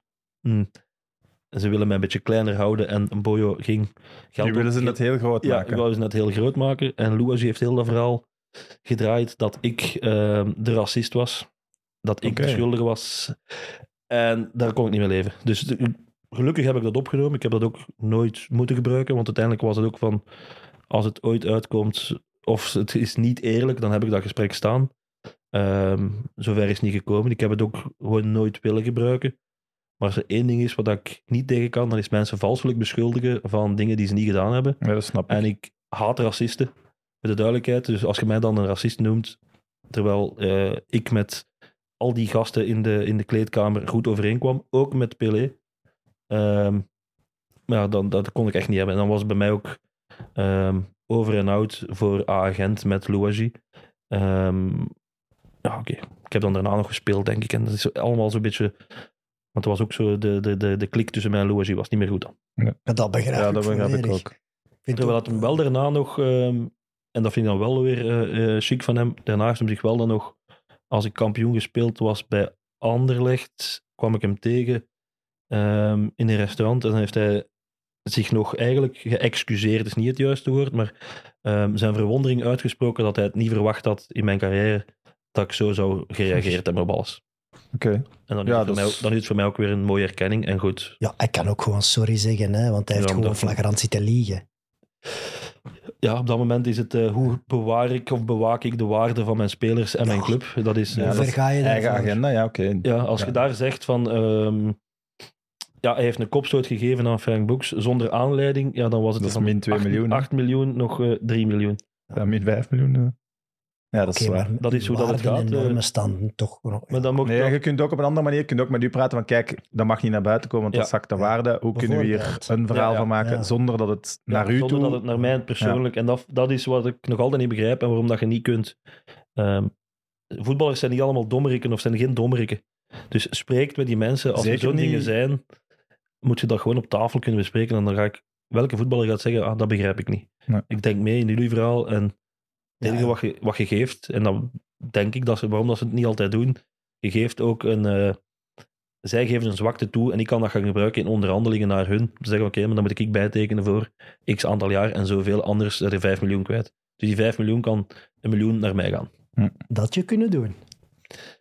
Zo zit ik niet in elkaar. Ik ook heel raar dat hij, Ja. dat hij dan had gedacht dat je had gezegd, ah ja, is oké, goed, voor mij is dat zo goed. We gaan dat zo brengen. Nee, dat zal ook wel een beetje Allee, blaffen zijn, hè? Dat, kan Ja. toch, dat is gewoon wat roepen dan. Hm. In de hoop dat je geïntimideerd bent. En dan, dan- oh. Ja, ik denk het. Ja. Dat is, Ja. Maar het was een, was een rustig gesprek, hè. dat was zonder roepen. Alleen was de, de context van wat er gebeurd is helemaal verdraaid. En plots had geen enkele trainer op het veld was nog op de, naar de training aan het kijken. Dat kan ik, niemand had het gezien. Van vijf trainers had niemand het gezien wat er gebeurd is. Dus we waren allemaal... Ja, en uw ploegmaats hadden het toch Ah, ja, maar ja, kijk, dat is... Moet het ergens eh, een draai geven, hè.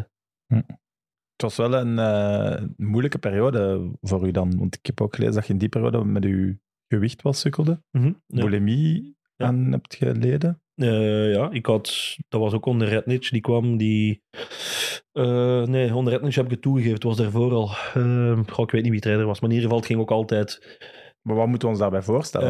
ehm, uw gewicht niet onder controle krijgen en zodanig veel eh, moeite ervoor doen om het dan af en toe te snel te laten gaan. Crashdieet te doen, soms drie, vier dagen alleen ananas, om vocht af te drijven, om toch op gewicht te zijn.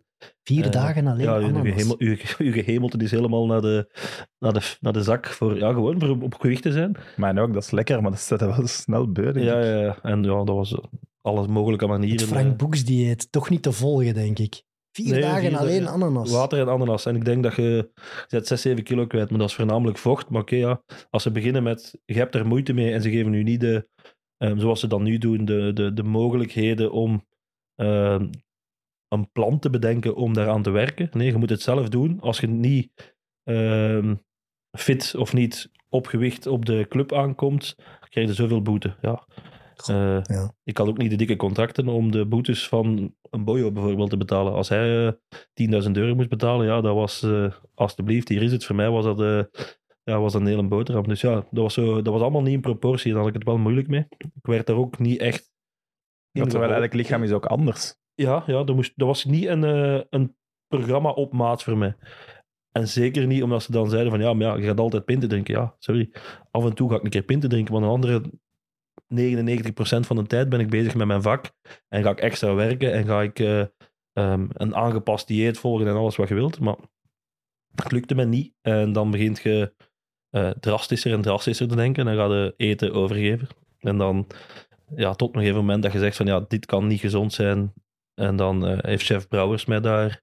ehm, dan heb ik ook hulp gezocht daarvoor. En heeft chef Brouwers mij wel wat inzichten gegeven. De professionele inzichten die dat ik nodig had om niet te extreem gaan te neigen. Want ja, dat is, dat is ook een soort van extreem gedachten uit. Snel willen laten gaan om toch maar te presteren. En dat heeft Ja, maar toch ook, komt dat dan niet uit een soort van schaamte of, of drukgevoel? Ik Dat denk buiten het eerder, eerder was... Nee, want ik heb nooit echt druk ervaren of gevoeld. Schaamte, ja, dan zou ik me heel veel moeten schamen, denk ik. Maar nee, ook niet. Het was gewoon prestatiegericht denken. En, en ik moet op... Ik wil ze geen stok geven om te slaan, want Ja. ik zit in het midden van een, eh, van een concurrentiestrijd. En als ik een kilo te veel weeg, dan heb ik hem al verloren. Dus die soort druk dat ik mezelf opleg, misschien wel, maar niet een druk van, van, van buitenaf. En dan ga je ja, dan gaat het, dan gaat overgeven en dan eh, ja, is dat er weer uit en dan zijn die niet bijgekomen. Maar de En er is keer niemand dat- bij de club die dat ook doorheeft, dat je op dat moment daarmee sukkelt. Nee. nee ik heb dat wel eh, dan uiteindelijk op het einde, als ik bij Gent zat, tegen de clubdokter gezegd. En die heeft dan ook nog wel de nodige stappen eh, gezet om mij te helpen. Maar dan was het eigenlijk al zo goed als opgelost. Oké. Dus ik heb er eigenlijk ook niet... eh, Dus je bent daar zelf doorgekomen. ja, ja. Ik heb De, ja, de eerste keer dat je dat doet, moet toch een enorme drempel geweest zijn. Oh, dat weet ik eigenlijk. Dat is allemaal zo natuurlijk gegaan. Allee, ik bedoel, dat is niet dat ik daar ehm een vinger in mijn keel moest steken. Dat was gewoon iets wat ik ja, om een of andere reden kon. Je lichaam deed dat gewoon. Nee, ik weet het niet. Ik kon gewoon zonder de vinger in mijn keel mijn eten terug naar buiten, naar buiten krijgen. Dus dat was iets van, ja, moest er dan nu een fysieke pijn aangekoppeld zijn, dan zou dat inderdaad misschien zo'n drempel zijn. Maar dat was niet eens een fysieke, een fysieke drempel. Dat was gewoon, oké, goed, eh, ik moet morgen op gewicht zijn, want het is controle en ik heb gegeten, misschien toch wat te veel. Ehm, ja, dus je gaat dat gewoon, je gaat de calorieën tellen en, en gewicht tellen aan Amai. hetgeen wat je gegeten hebt. Dat wel heftig. Alleen, Ja, dat is wel- heftig. Ja, en dan denk je Moet ook je van- wel oppassen, hè? Want, eh, Ja, dat kan, dat kan rap. ja. Ik ben wonderbaarlijk nooit spierblessures gehad ehm, in die periode of later. Dus als je zoiets doet en je doet roofbouw op je eigen lichaam, Ja, je neemt geen voedingsstoffen op. ja, dat, en, dat, en je doet dan explosief werk, wat een kipper moet doen. Ik ben Hm. nooit eh, geblesseerd geweest in die periode. Ehm, wat dat eigenlijk misschien wel een wonder is. Want dat is echt, voor de duidelijkheid, roofbouw op je lichaam. Hè. Dat, Ja. is, dat is het slechtste wat je kunt doen, want je ontneemt alle energie Hm. voor Het is iets wat ook nooit meer is teruggekomen later in je leven. Nee, ja, overgeven wel, maar dat was dan met andere oorzaken. eh. Is dat dan ook geen moment om te zeggen, oh, misschien moet ik stoppen? met maar dat was, dat was meer, dat was eh, op dat moment inderdaad ook één, de wereld, hoe dat ik behandeld werd in Gent, en twee, wat er allemaal was voor beginnen doen wat niet goed was. Ehm, na Gent heb ik ook wel op punt gestaan om te stoppen. Ja, dat begrijp ik volledig. Ja. Als, je zo ver moet mentaal, gaan. Fysiek, ja. Maar, de- want is dat dan voor bij Antwerp tekent? Want ik heb ook gelezen tijdens de periode van Antwerp. Nee, ervoor. Ah, oké. Nee, ervoor, ja. Dat je, Antwerpen. eh, ehm, ja, nee, be- beide. Eigenlijk in. Moet ik even denken. Ah, nee, het was erna. Je hebt gelijk. Dat was erna. Na Antwerpen. Dus ik heb eerst zes maanden ehm B-kern gedaan bij Gent. Dan heb ik. Geweigerd om naar Antwerpen te gaan, omdat ik dacht van ja, ik wil niet in tweede klasse bij een ploeg, die op dat moment eh, geen grote ploeg en geen, Totaal niet stabiel. nee, nee, niet stabiel Allee, ja, was. Stabiel in het niet halen. Ja, ja, Ja. maar vooral in, het was, het was daar ook nooit rustig. Een duiventil ook Ja, qua ja. spelers, amai. Ehm, uiteindelijk ben ik dan toch het nieuwe seizoen daar begonnen. Omdat er ook niet veel andere opties waren op dat moment. Ik moet er ook eerlijk in zijn. Niemand stond te wachten op een kipper met bulimie en eh, slecht racist. Allee, ik, was, ik was niet goed afgeschilderd, dus niemand zat erop te wachten. Ehm, en dan ben ik naar Antwerpen gegaan en dan eh, werden we daar ja, een beetje gepakt in, in, in professionaliteit. Want dat was er echt, eh, zijn denk ik negen maanden niet betaald geweest. En die club was zo goed als dood. Dat was er echt, ja, elke dag was een nieuw avontuur eh, op Antwerpen. Ehm, en dan had ik ook iets van, ja, als het dit de wereld is en dat ik hier ook nog een keer eh, dat allemaal moet doen en laten om niet betaald te worden en rekeningen stapelen zich op, loon wordt niet uitbetaald. Ik denk van, ja, dan kan ik, beter, eh, dan kan ik er beter mee stoppen. Ik heb uiteindelijk wel al uw geld gekregen dan nog. Ja, geen premies, maar wel de, de, het basisloon. Is dan Patrick de Kuiper heeft overgenomen en die heeft alle spelers uitbetaald. Ehm, Oké. Maar dat was er echt, ja, dat was om de drie maanden gaven ze 500 euro. Omdat ze dan weer drie maanden voor de licentie in orde waren. Dus ja, dat was, dat was hoe dat is. Dus ik heb 15, 1500 euro gehad op negen maanden tijd. Ja, maar dat was toch Hunter Hofmans en Jos Verhagen en zo. Dat waren op zich toch mensen met ervaring in het voetbal. Ja, maar die hadden het geld. volgens mij ook opgegeven om die club nog te redden op dat moment. Dus het moest echt wel van iemand buiten, buiten de club komen. En dat was dan op dat moment Patrick eh, De Kuiper. De de Kuiper. Kuiper. Ja. Ik was aan het denken de Koster, maar dat was hem niet, de Kuiper. Nee, Ja, dat dat had er wel ook iets mee te maken, denk ik. ja, dat was nogthans... Een, allee, als je nu daarop terugkijkt, die ploeg, eh, dat, Jonas de Roek, Wim de Dekker, Mhm. er zaten wel, Ja, er was zaten wel een, wat wel gasten een bij. ehm Goevench. Goed vent, ja. eh, Limbombe. Limbombe, inderdaad. Ja, we hadden wel een, een, een redelijke Ja. ploeg, maar, Maar ja, als je negen maanden je- niet betaald wordt, was- dan moeten er- gasten bij zijn die, allee, jeugdspelers die, of juist de eerste profcontract, die komen toch in de problemen. ik weet nog, eh, Omolo, die eh, Mm. was net ehm, een goede voetballer trouwens, maar die was net papa geworden en die, eh, ja, die, kon niet meer, eh, die kon niet meer aan babyvoeding, want die had geen geld op zijn rekening, die kon dat niet betalen.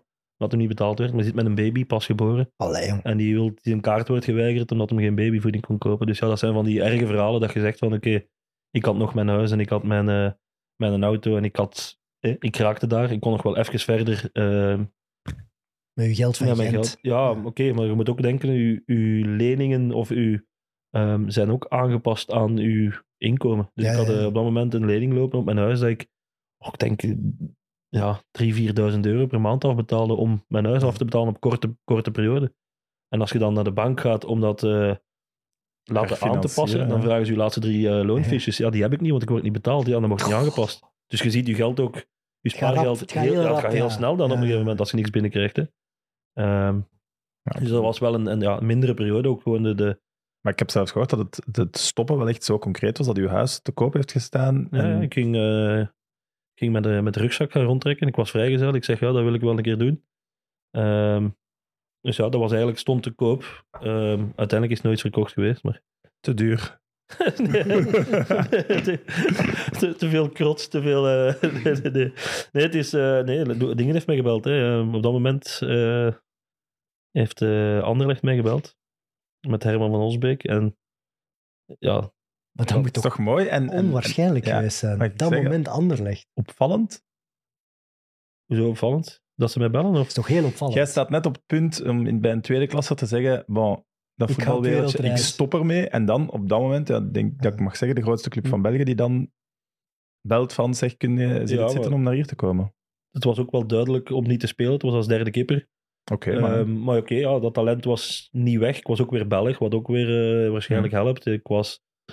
ehm, ja, ik ben naar daar gegaan. Ik heb dat ehm, van dag één bij Anderlecht, en dat is iets wat ik bij Gent en Antwerpen helemaal kwijt was, welkom gevoeld. Als in een goed gestructureerde, eerlijke omgeving club heb ik van dag één bij Anderlecht altijd gehad. En bij Gent was dat gevoel weggeëpt door verschillende eh, Ja. redenen. En bij Antwerpen is dat er nooit geweest, want die club was... eh, was op dat moment geen club meer. Ja, dat was gewoon op sterven na dood. Dat was echt overleven elke dag. Dus ik heb echt medelijden met de mensen ehm, die hart en ziel gaven voor Antwerpen. Want er zijn er veel, hè, supporters, medewerkers, die dat elke dag zijn blijven doen in die periode. Daar heb ik echt, eh, echt respect voor, maar ook veel medelijden, want die hebben veel shit gezien. Hm. En in Anderlecht was dat niet. Dus ja, ik ging naar daar. Ik ging... Maar dat, Maar hoe ging je naar daar? ik weet waar dat je naar doelt, maar dat is niet waar. Dat is niet waar. Dat is niet Want waar. de roddel is dus dat Frank bij Herman Dat is echt een urban legend. Dat is niet waar. Oké, er dus de urban legend is dat hij daar aankwam in, op, op zijn slippers en in een Marcelleke. Nee, ik zal u zeggen wat gegaan is. ik... ehm, Je krijgt hier de kans om het te weerleggen. nee, nee, hè? maar het Ja, is, voilà. ja, het is, Besnik Hazi is coach eh, op dat moment. En eh, Herman van Osbeek ehm, ja, zegt dan, ga met een trainer spreken. Dus ik ga naar Neerpede. Ik, ehm, ik zie de coach. Hè, dus ik heb afspraak met de coach. Maar het was die een dag 40 graden.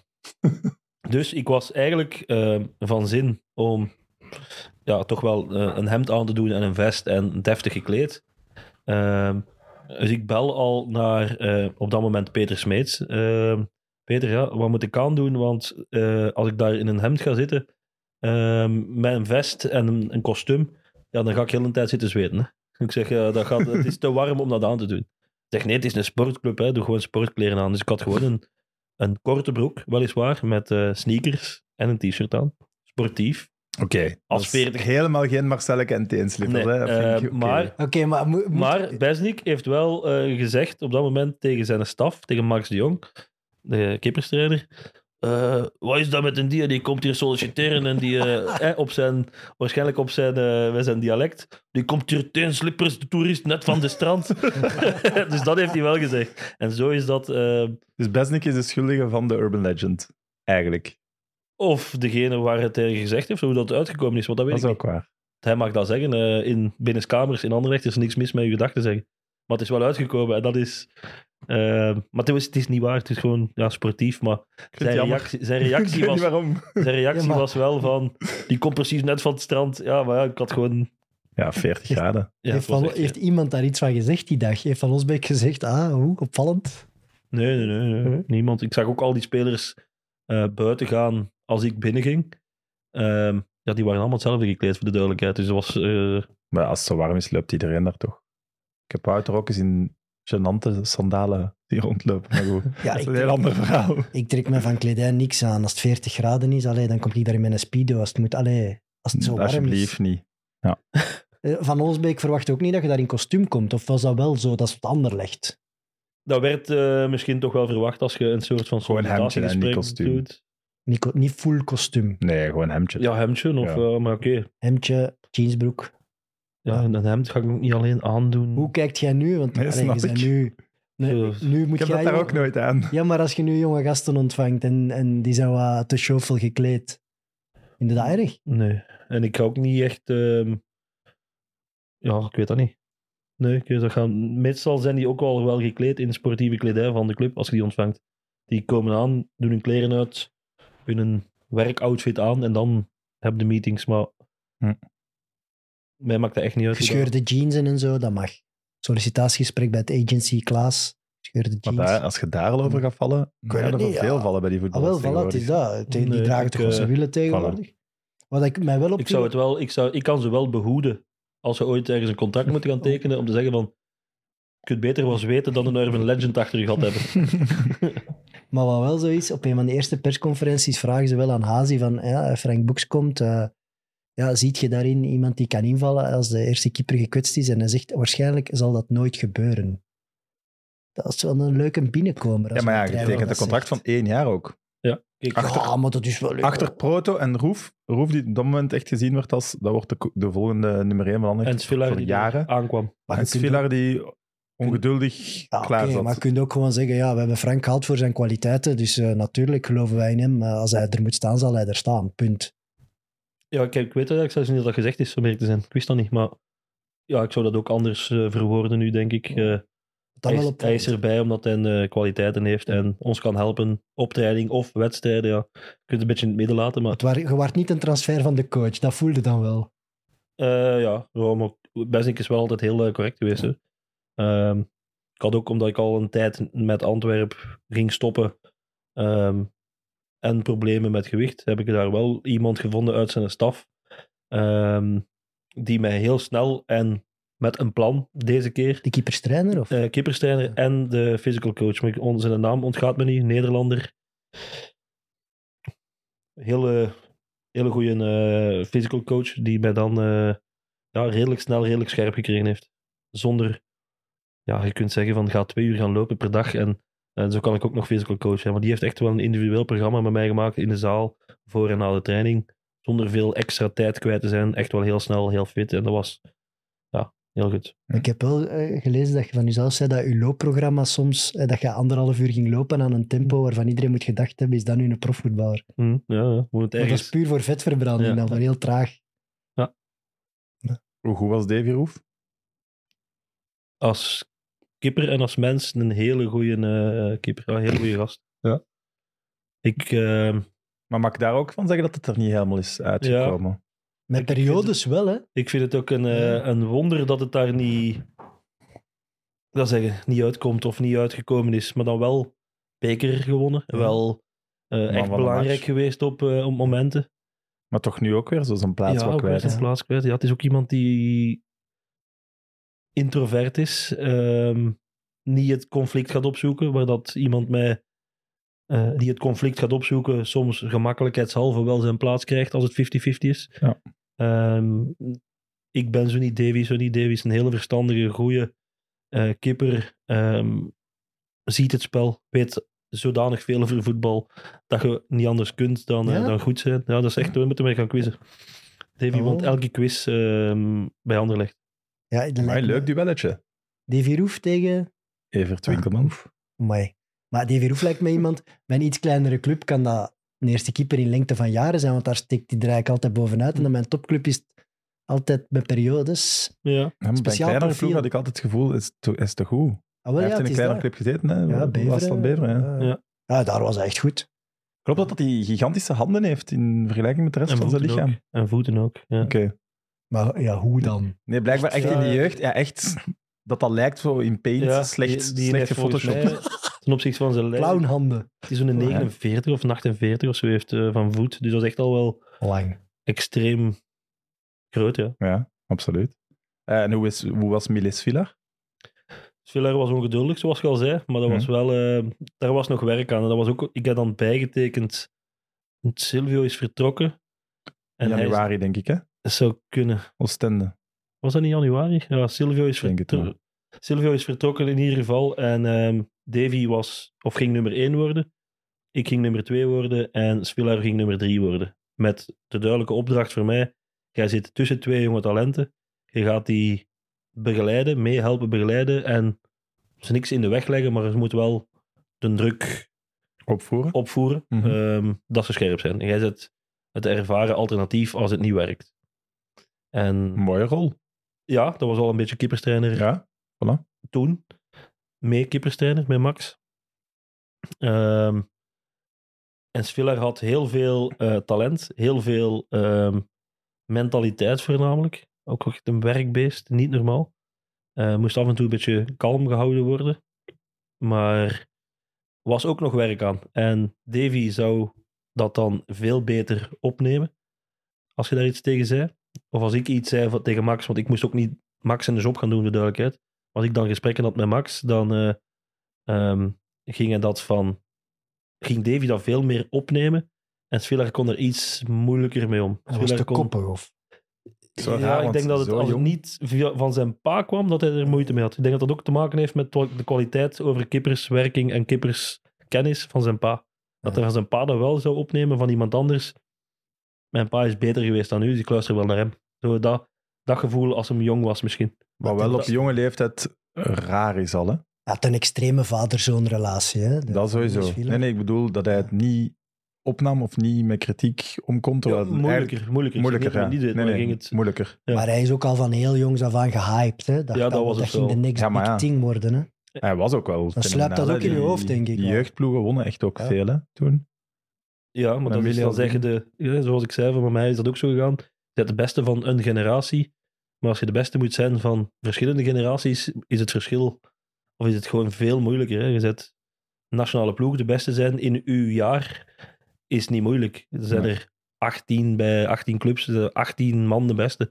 Maar doet allemaal 15. Het is al veel moeilijker om dan de beste te zijn. Ja, en klopt. ongeduldig is niet erg als je dan vertrekt en je vindt ergens een ploeg waar dat je wel gaat spelen, maar heeft ze nog altijd niet gevonden. Nee. Nee. Nee, en het, Doodzonde. ondertussen tikken er jaren weg Ja. waarin hij nooit ergens nummer 1 is geweest voor een heel seizoen. Ja. Nee. Echt Want- doodzonde. Er is een tijdje eh, het- onder Frank het gerucht geweest dat hij uitgeleend ging worden aan KV Mechelen en zo. En dan kwam al snel vanuit de buitenlandse pers eh, dat hij dat wat te min vond allemaal. Ja, dan, hij, Hij had al zou wel 100, zo eens één jaartje zo moeten hebben. hij had al 100 wedstrijden in eerste klasse moeten hebben. Hè. Ik vind dat echt zonde. En natuurlijk heeft hij prachtige clubs. Hè. Kun je niet zeggen, allee, op papier hè, is zijn carrière wauw. Hè. Wat is het? Ja. eh, Lissabon? Ja, Rome? Benfica, Roma, Ja. onder trainers gewerkt, eh, de, de Nu met. Mourinho werken als Ja. jonge gast, ik denk wel dat je iets gaat leren inderdaad. en Ja, dat je, maar ja, en dat je een schoon leven hebt in Rome als voetballer. En dat je, oké, allemaal goed en wel, maar je kunt niet blijven teren op eh, aankomend talent. Op een gegeven moment gaat hij moeten bevestigen. En ik denk dat ze dan in Rome ook wel zullen weten dat die ook wel een oplossing zullen zoeken. Want hij gaat er ook niet in de ploeg komen, denk ik. Nee, met nee. eh Rui Ja, Patricio. hij moet, dus desnoods op uitleenbasis, maar hij moet in een ploeg waar In Italië gebeurt dat ook ontzettend veel. Ik verschiet ervan dat het nog niet gebeurd is. Hè. Daar worden heel veel spelers naar de Serie B en zo gestuurd. Mhm. hè. Daar hebben ze, elke club heeft daar zijn tentakels, dus dat gaat wel gebeuren, denk ik.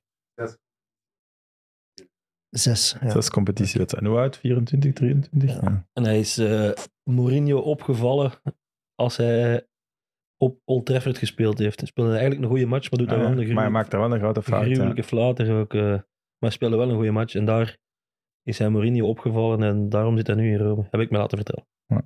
Oké, maar 23, dan is het wel tijd. Nu tijd. Het is, Ja. nog, Hij is nog jong, het is Ja, nog maar het is wel jong, nu hè. tijd om... Zo wilde niet nog drie jaar, hè? Je wilt niet op je 26 Nee, je eerste nee, seizoen gaan spelen. Met een dat keeper- talent, hè? Voor een keeper kan op zijn 25e bij wijze van spreken nog 10 Dat is jaar ook eh, en langer spelen. Ja, maar we Ja. praten over een Bart Verbrugge van 20 jaar waar half Europa achter zit. Die man heeft eh, gewoon een half seizoen gekiept. Nee, is waar. Als je daar naar kijkt als Villar op je 23, moet je toch denken van fuck, dat, Ja, wil, ik, ook- moeten dat wil ik ook. Hij had moeten blijven in Anderlecht. Hm. Zeker weten dat ik daar zat. Eh, nee, maar zeggen? ik, ging niks, ik heb hem niks in de weg gelegd hebben, want ik dacht mee met de club, ik dacht mee met hem. Ik wou, Ja. Ja, Ja. zonde, echt zonde. Zou hem dat zelf nu ook al zo zien? Dat weet ik niet. Eh, Ja. Zullen we eens aan hem vragen? Ja. Hm. Eh, ik denk trouwens dat je gelijk hebt en dat Proto in de zomer eh Ja, dat is met Davy Roof inderdaad. Ja. we het, Want Roef gestart. begint ongelukkig Ja. en jij mocht dan overnemen. Moet. Moet, Ja. moet overnemen, inderdaad. Maar wat denk je dan? Want dat is toch een optie die Ja. ver in je achterhoofd zit in het begin. De hè? kans was al groter, uiteraard, omdat ik eh, van drie naar positie 2 was gegaan. Dus je moet meer klaar zijn, je moet meer. Hè, dan zou een trainer nooit gezegd hebben: de kans is heel klein. Hè, de kans is al wat groter geworden dat het gaat gebeuren. Dat is waar. Ehm, dus ja, je bent wel klaar. Hè. Ik was ook wel klaar als derde, maar ik was ook klaar als, eh, als tweede. En ja, Davy begint ongelukkig en er komt een nieuwe trainer die coaching redelijk belangrijk vond. Davy is niet degene die ja, gaat, Geen staan, roeper. gaat staan roepen, eh, die die dan niet nodig heeft om zich te concentreren, maar daardoor ook zijn verdediging niet geconcentreerd kan houden. En er waren wel zo een paar gevallen waar ehm, met coaching dingen op te lossen waren. Die gingen mis in het begin van het seizoen al. En ik denk dat dat de grootste reden is, want Davy was een betere keeper dan ik. Maar ik was wel iemand die meer leiding ging geven aan een verdediging die dat nodig had. Maar dat is dan een goede klik ook met Weiler. Ja, eigenlijk van in het begin al. Ehm, als hij kwam. eh, wat hij echt goed kon, was de psychologie rond een voetbalspeler begrijpen. En de juiste mensen in een groep belangrijk maken voor een geheel te maken. En dat heeft hij onder andere met mij wel gedaan. Van oké, jij bent belangrijk voor mij, je zet met een kapitein. Zonder die een band te moeten dragen. Maar als er iets is, kom ik bij u. En zo had hij wel een paar spelers. Met Juri Tielemans had hij dat ook bijvoorbeeld.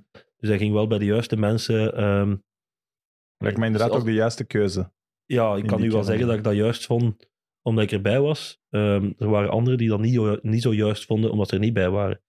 Maar het was wel de jongens die hij belangrijk vond, waren ook spelers die niet aan zichzelf dachten. Die echt wel een team. ehm Dus Jury was niet met zichzelf bezig. Jury was onder andere met zichzelf bezig, maar is wel echt een teamspeler. In gezonde mate. En er waren er ook anderen die veel minder met de ploeg bezig waren. En die kregen dan niet het schavotje van hier jongen, hè, doe het maar allemaal voor jezelf. Nee, ploeg is belangrijk en dan kom jij. En Ja. dat was wel, eh, dat heeft ons kampioen gemaakt, daar ben ik zeker van. Het was echt wel een, een, een, een, een hechte groep en we spelen echt wel voor elkaar. Dat, dat was het toch ook, want het- achteraf bekeken is dat ja, de laatste titel van Ander. Ja, Ja, dat en- weet jij. Allee, je doet niet alsof je dat niet weet, maar dat weet jij. Nee, maar dat wordt, Elke dag zegt hij dat tegen die. Echt? er werd toen van gezegd, ja, maar dit is niet Anderlecht en zo willen wij niet voetballen. En Er is veel kritiek op de manier waarop. Ja. voilà. Maar hij haalde wel resultaat. Dus Ja, en, toen, Weiler- en is toen was toen dat te Anderlecht in een luxe gepakt? positie om te zeggen, resultaat maakt ons niet zoveel uit. Echt waar. We winnen Dat toch. Een wereld van verschil met nu. Ik denk, ik denk dat Weiler eigenlijk gewoon gepakt is op zijn ehm, communicatie met de pers of zijn wil om dat niet te willen doen. ja. Hij wou niet populair zijn, hij wou gewoon zijn eigen ding doen. En ja, hij zei ook altijd van journalist, ik moet daar niet van weten. En ik denk dat zij hem eigenlijk eh, redelijk gekortwiekt hebben op een gegeven moment, omdat hem nooit iets uit Anderlecht prijs gaf of wou prijsgeven. En dan zijn de journalisten beginnen commentaar hebben op het spel van Anderlecht. En dan, Dat was een makkelijke ook, hè, om dat Ja, te doen. Maar het, was ook niet het champagne, champagne voetbal. Nee, het was realistisch. Ja, dus Wij- waar misschien ook niet meer in die groep zat. Hè, Nee, het was ook vaak ehm pressingvoetbal. Maar om te kunnen pressen en de bal hoog ehm, te kunnen recupereren om snel tot kansen te komen, ja, dan moet een tegenstander de bal hebben. En in Anderlecht was het, nee, wij moeten de bal hebben en wij moeten het doen. Dus dat was zo een beetje on-Anderlechts, zonder ehm, te zeggen dat dat, dat dat niet goed was. Want ja, dat was gewoon was realistisch. Dat was, we hadden daar de spelers voor. Ja. Ehm, En jullie winnen de reguliere competitie en de play-offs. ja, Allebei. het was dus, redelijk duidelijk dat Ja. we kampioen verdienden te zijn dat jaar, denk ik. Ja. Ja, in de competitie eh, met u onder de lat, 24 matchen, eh 13 clean sheets. Wat- allee, dat is toch vrij stevig. Twee matchen verloren, denk ik, dat seizoen met u onder de lat. Maar dat kan mis zijn. Dat, allee, dat is misschien oneerbiedig, maar dat seizoen is uw carrière, toch? Ergens? Ja, dat was, dat was echt mijn beste Ja. seizoen hè, natuurlijk. Maar dat was ook omdat ik nog nooit in mijn leven tot dan zoveel vertrouwen had gekregen van een club en een trainer op hetzelfde moment. Soms was er wel een keer een trainer, maar dan de club niet. En soms was er wel een keer de club, maar de trainer niet. En ja, dat was zo de eerste keer dat ik. Ze maakten mij belangrijk. En ik dacht, ah, dat is nieuw. Dat is leuk. En dan ga ik- ja, je pakt een titel en dan wel. ga ik er ook alles voor doen. En dan komen er wel goede dingen uit, ook soms. Hè. Maar eh, trapt je dan ook op de vuilnisbak als ze in de winter Ruben gaan huren? Die Ruben, Nee. hoe zegt het? Nee, want dat was, eh, Davy ging weg en dat was gewoon een nieuwe tweede. Hè. Davy was... Die heeft, die heeft toch ook nog een bekken gespeeld, die Ruben. Ja, maar dat was ook mijn vraag. Ah, oké. Eh, want ik was toen al aan het sukkelen met mijn rug. Dus ik moest geopereerd worden ehm, toen al. Waren twee wedstrijden ehm, per week. Dan met Wilder van, ja, wilde dat ook spelen? Dan gaat het misschien niet volhouden tot het einde van het jaar. Ik zeg, nee, ik wil wel kampioen spelen. Meer dan dat ik wil eh, die Europese matches spelen. Dus hebben we dat besloten samen met de medische staf, met een trainer en ik. We zeggen van, kijk, nee, ik wil kampioen spelen. En zijn kampioen gespeeld. En een dag later, of drie dagen later, eh, lag ik op de operatietafel. Dus ik was ook helemaal niet meer fit op het einde van dat jaar. Dat was echt niet meer, eh, echt niet meer gezond, maar ik wou, wel, ik wou het wel meemaken. Maar ik was Ja, ja, je zei ook wel echt de doelman van dat seizoen. Ah, ja. Dat is sowieso... Want de- allee, niet, niet de dat- prijs gewonnen, denk ik. Of wat willen zeggen. Nee, nee, dat bedoel Nee, de man van het seizoen. Iedereen Ja, zei, de, de ploeg van. Anderlecht toen, dat waren jij. Ah, dat ja, oké, seizoen zo. de iedereen zei Ja, dit is eigenlijk de, de comeback van Ik het was- jaar. Want ik, ik denk altijd van, nee, nee, ik, ben, ik, ik was niet beter dan de andere keeper op dat jaar. Maar ik had wel een betere ploeg dan die andere betere keeper. Ja, maar dat is je wel was de heel perfecte keeper voor die ploeg, denk ik Ja. eigenlijk. Maar, Dan zet je toch heel bescheiden, want iedereen zegt toch wel eh, Dat dat, mag, je hè. onmisbaar waart om daar allee, die titel nog te halen. Ja, maar ik heb op belangrijke momenten belangrijke reddingen Ja. gedaan. En belangrijk, echt wel belangrijk geweest, sportief en extra sportief. bijvoorbeeld denk op. Dus ja, Agent speelt je een, een mega goeie match. Dat was niet toevallig, denk ik. Ah wel, dat, is dan ik toch een kleine fuck you naar Ja. de hoofdtribune. Dat heb ik net niet gedaan, denk ik. Jammer toch? Een mooie foto geweest. Ja, met die Frank de Tank t-shirt die ik niet meer had. Ja, dat is jammer. Nee, maar het is ook wel raar dat je komt daar in die eerste ploeg, je wordt kampioen, iedereen zegt, amai, wow, die boeks, wat een comeback, eh, wat een keeper. En dan is het ook weer over. Dan is het ook weer, ja, weer, nee. Dat is eigenlijk gewoon een beetje de pech geweest dat, ik, eh, dat mijn rug het begeven heeft en dat ik eh, nog wel geprobeerd heb om terug te komen. Dus dat is me ook nog gelukt. Ik heb nog Champions League gespeeld het jaar daarna, wat dat ook een mijlpaal is in een carrière, denk ik. Wel 5-0 Eh, gekregen. ja, Ik ging dat eigenlijk niet zeggen, Sam, maar oké. Hangt er vanaf tegen wie? dus, eh. Hangt er vanaf tegen wie? PSG. Ja, dat kan, hè. Ja, Sorry, dat, was- kan gebeuren. Dat was echt waar. Ik ga je zeggen, dat was de eerste keer in mijn leven dat ik 5-0 verloor en dat ik dacht van, oké, een goede match gespeeld. ja, en ook de enige keer. Dus dat was... eh, Ja, maar ja, tegen PSG, dat kan, hè. ja, dat ging soms gewoon te snel. Dat was, ja. Waar. Eh, in die periode krijg je je tweede bijnaam. Naast Frank de Tank krijgt je in die periode de bijnaam Benny Backspin. Benny, Bak, Benny Baks, denk ik. En dat is Ah, Benny Bakspin, Baks. Bakspin geworden ook, ja. Benny Bax. Eh, eerste training dat ik meedeed in Anderlecht. Ehm, dus ja, ik ben Boeks. Juri Tielemans vraagt aan mij een bal en die eh, roept Benny, Benny. Dus niemand weet van, kan niet. Wat zegt hij eigenlijk? maar die had ehm, Benny Baks van de Smaakpolitie. Ja. Eh, eh, de- een of ander foutfiguur van op tv. Dus die had eigenlijk gewoon een, eh, nou ja, een verspreking, omdat hij daarmee in de kop zat. en Die riep Benny, Benny. En Die ging hier alle kebabzaken En- vertellen wat er beter Ja, moest. ja. En Olivier de Schacht, die, ja, die schiet in een, eh, ja, in een lachbui. Is, die is blijven Benny zeggen. En tot nu zegt die nog altijd Benny tegen mij. Dus van dat moment. Maar wist Jury die dacht je hij? Baks noemde dan. ja, dat die, van Boeks. En dan dacht hij Benny Baks. ja, verspreking. Dat was ja, tijdens een positiespel. Hè. Dus ja, op een training roept hij in plaats van Frank Benny. En, en Olly, ja, die kende mijn naam wel. En die begint keihard te lachen. Ah, die, ja, ik kende Olly ook al van daarvoor natuurlijk. Dus, die zijn dat dan blijven zeggen. En, Hij dacht zegt, iets met... Nouri zegt nog altijd Benny. ehm, Olivier zegt nog altijd Benny. Silvio Proto zegt nog altijd Benny. Guillaume Mougier zegt nog altijd Benny. Eh, dus ja, Dennis Praat zal het ook nog zeggen, want we waren altijd de, daar een backspin. De, de pool die op, de, Ja. op het complex stond daar. Ik dacht dat daarvan de naam kwam, dat je daar eens een zot shot had gedaan met een backspin. Maar ik, was, ik heb wel eh, altijd... Mijn tuinset komt van, eh, van de schacht. Hij heeft die ook zelf betaald.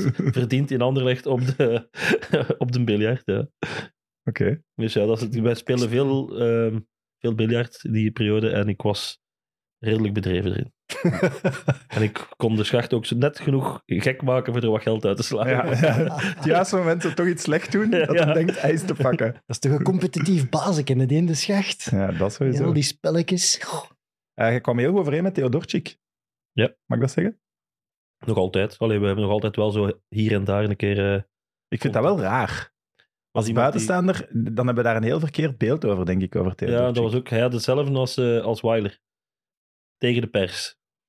En ja, hij was wel topschutter van, denk ik, de competitie, als ik Ja. me niet vergis. Ja. Ehm, dus ik moest eh, ja, af en toe in zijn plaats de pers te woord staan, want hij wou dat niet. En hij apprecieerde dat en dan gingen we wel ja, altijd met elkaar om. Vaak in die mate. Was ook een hele grappige kerel. Gewoon. Dat was, eh, Dat zou ik hem niet geven, Nee, bijvoorbeeld. nee. Jij bent zo'n warme, joviale, en ik zou van hem tegenovergestelde denken. Hele coole... Hij had heel veel moeite ehm, met Engels. Wat nog zeggen, hij kon dat wel, maar hij wou dan niet spreken naar mensen om zich eh, uit te drukken. Eh, maar ja, zo practical jokes, eh, daar heb je geen Engels voor nodig. Dat is gewoon iets doen en dat is, dat is grappig.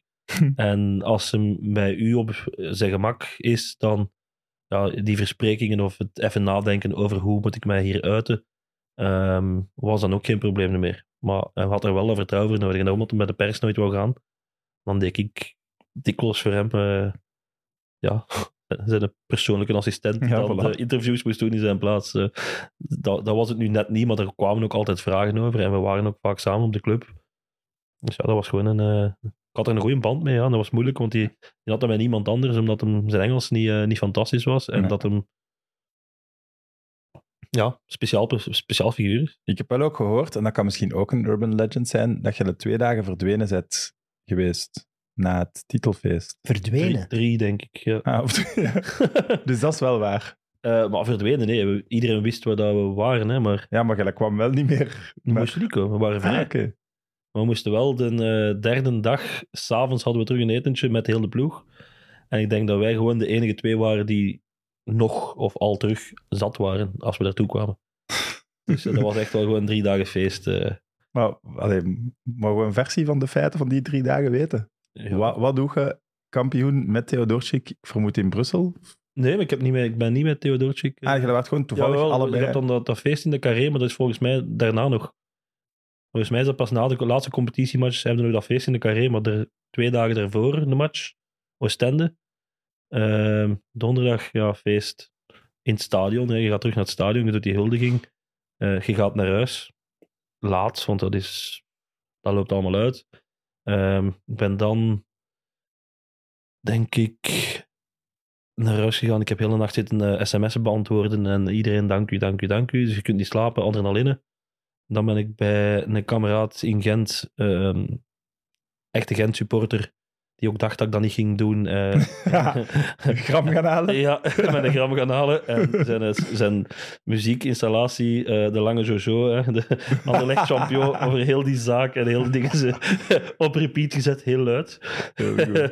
Dus dat heb ik dan gedaan. Dan heb ik daar ja, nog iets gedronken. Ben ik s s'avonds gaan eten met mijn vrouw en haar vrienden. Dus ja, dan zijn we weer vertrokken, dan zitten we weer in die sfeer en dan zijn we naar huis gegaan. Ik eindelijk geslapen. En dan eh, moesten we die een avond, denk ik, of die een, ja, moesten we dan gaan eten met de ploeg. En ja, ik was daarvoor ook alweer iets gaan drinken, omdat er wel altijd iemand is op dat moment die, eh, die wil. We moesten toch niet trainen. En Ja, ik, nee. en ik ging ook de laatste Ik match niet meer spelen, dat wist ik ook al. Dus ja, want ik zit nog altijd twee dagen voor de wedstrijd, hè, want ik had nog een stende die de gala-match was, maar met mijn rug ging het toch niet mogelijk zijn om te spelen. Dus voor mij was het seizoen eigenlijk ook al gewoon gedaan. Ehm, Maar zei je dan zo'n ge- ge- genante zatte? nee, Nee, totaal niet. ik ben een Dus- hele, een hele lieve zatte. Als ik zat ben, ja. word ik, mijn vrouw zegt het altijd. Ah, je hebt weer gedronken, zeker. Je kunt plots verliefd zijn. Dus, Lijf, lij- lijfelijk lief? Of, eh? alles, alles.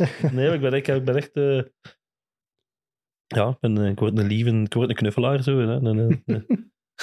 Ik moest daar eh, tijdens gisteren, toen ik de voorbereiding deed, aan denken. Ik heb u het afgelopen jaar één keer gezien in een van mijn zatste toestanden ooit. ik, ik, zeg, ik was niet zat. Amai, ja. Was, was, was Leroy daarbij? Nee, nee, nee. Nee, dat was na Brugge Anderlecht, denk ik. Dat was na Brugge en Anderlecht. En de mensen van, van Brugge, waar ik goed mee overeenkom, die hadden mij meegenomen naar het oud gemeentehuis of zo. Daar echt superveel gedronken. Ik moest meerijden met Thomas van der Spiegel naar het station in Gent. En van daaruit moest ik een taxi of een trein pakken. Maar ik, Ik heb me zat. voorgesteld om je naar huis te brengen, maar ik zag dat je zat werd. Ja. En je zei, nee, nee, er komt een Uber of het een of ander is Ja. komen aan uiteindelijk, want de trein had je gemist. Nee, ik, ja, dat, is, ja, dat is wel heel gênant. Maar ik kon het bord echt niet meer lezen. ja, nee, ik meen het. En ik sta daar dus echt al tien minuten naar dat bord. Maar die, die, ja, het ging niet. En ineens trekt Frank de, de, de, het gordijn van zo'n pasfoto-ding open. En ik sta aan dat pasfoto en ik doe zo. En ik kijk zo naar voren en zo... Huh? What the fuck? En hij ook zo... Oh, wat? In het station Wat jij daar? Ja, ik moest eh Sander... Ja, het is ook een goed verhaal. Jij moest vertrekken en had je dat paspoort of zoiets? Nee, ik moest ehm, sowieso iets van mijn paspoort. Ik moest pasfoto's hebben. En ik moest die, die een dag daarna moest ik eh, dat echt wel binnen doen, voor een spoedprocedure. Ehm, dus ik had een afspraak gemaakt. Maar ja, ik kon van Anderlecht een zondagavond was dat, denk ik. Ehm, dus Ja. ja. er is nergens een winkel open waar je pasfoto's kunt doen of waar je dat haalt. En dan had ik zitten opzoeken waar kan ik pasfoto's nemen. Gent station staat zo'n ding. Dan ben ik daar een pasfoto gaan nemen om Sanderdags morgens te kunnen hebben. Voilà. En daar kwam ik hem tegen. En Maar wat een bizarre ontmoeting. Maar het, was, het is ook echt een bizar verhaal ook. Want ik wist het ook niet meer tot de volgende dag. Soms van... heb ik echt nergens meer gehad. want Ik denk dat ik hem overal kan tegenkomen. Zalig. Goed, ik heb om af te sluiten nog een paar eh, kijkersvragen. ja, nu ben ik benieuwd. Zet je er klaar voor? Dilemma's of eh, nee, geen open dilemma's. vragen? Eh, geen enkel dilemma, denk ik. Dennis Seid, vriend van de show. Wat is een clean sister? Dat klinkt echt fout. dat, is, dat is een... ehm, ooit heeft de broer van Benito Raman ehm, een foto gepost met zijn vader, Benito, erbij. En dan de vriendin, toenmalige vriendin, denk ik, van eh, de vorige vriendin van Benito Raman. En die had dat verengelst, hè, van eh, vader, Ah, schoonzuster. was de clean sister. Dus ja, dat was een, eh, ik denk, ja, een klein foutje van Bettino. Ja. Wauw. Eh, Timo Dirks, wie is op dit moment de beste doelman ter wereld? Ehm goh, is dat een moeilijke? Op dit moment? Ja, vind ik niet zo'n moeilijke. Ja. Mogen chauvinistisch zijn, toch? Ja, Thibaut is bij de beste kippers, maar ik vind eh, Ederson Ja. toch ook wel eh, redelijk spectaculair. Die heeft dan andere dingen.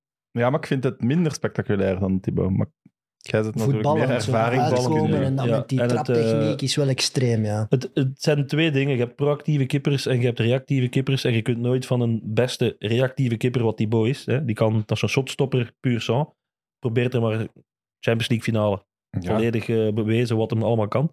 Dit jaar tegen Ehm, Chelsea in de Champions League ook. Ja. Waanzin, ja. Zeker Eh, maar je hebt dan ook ploegen die van achteruit gaan opbouwen. Zoals Man City. Daar zou Thibaut Courtois niet zijn eh, beste niveau halen. Of niet zijn... ehm, Kwaliteiten optimaal Ja, benutten. Ja. En hij heeft altijd bij ploegen gespeeld die dat niet zijn. Hè? Chelsea toen niet.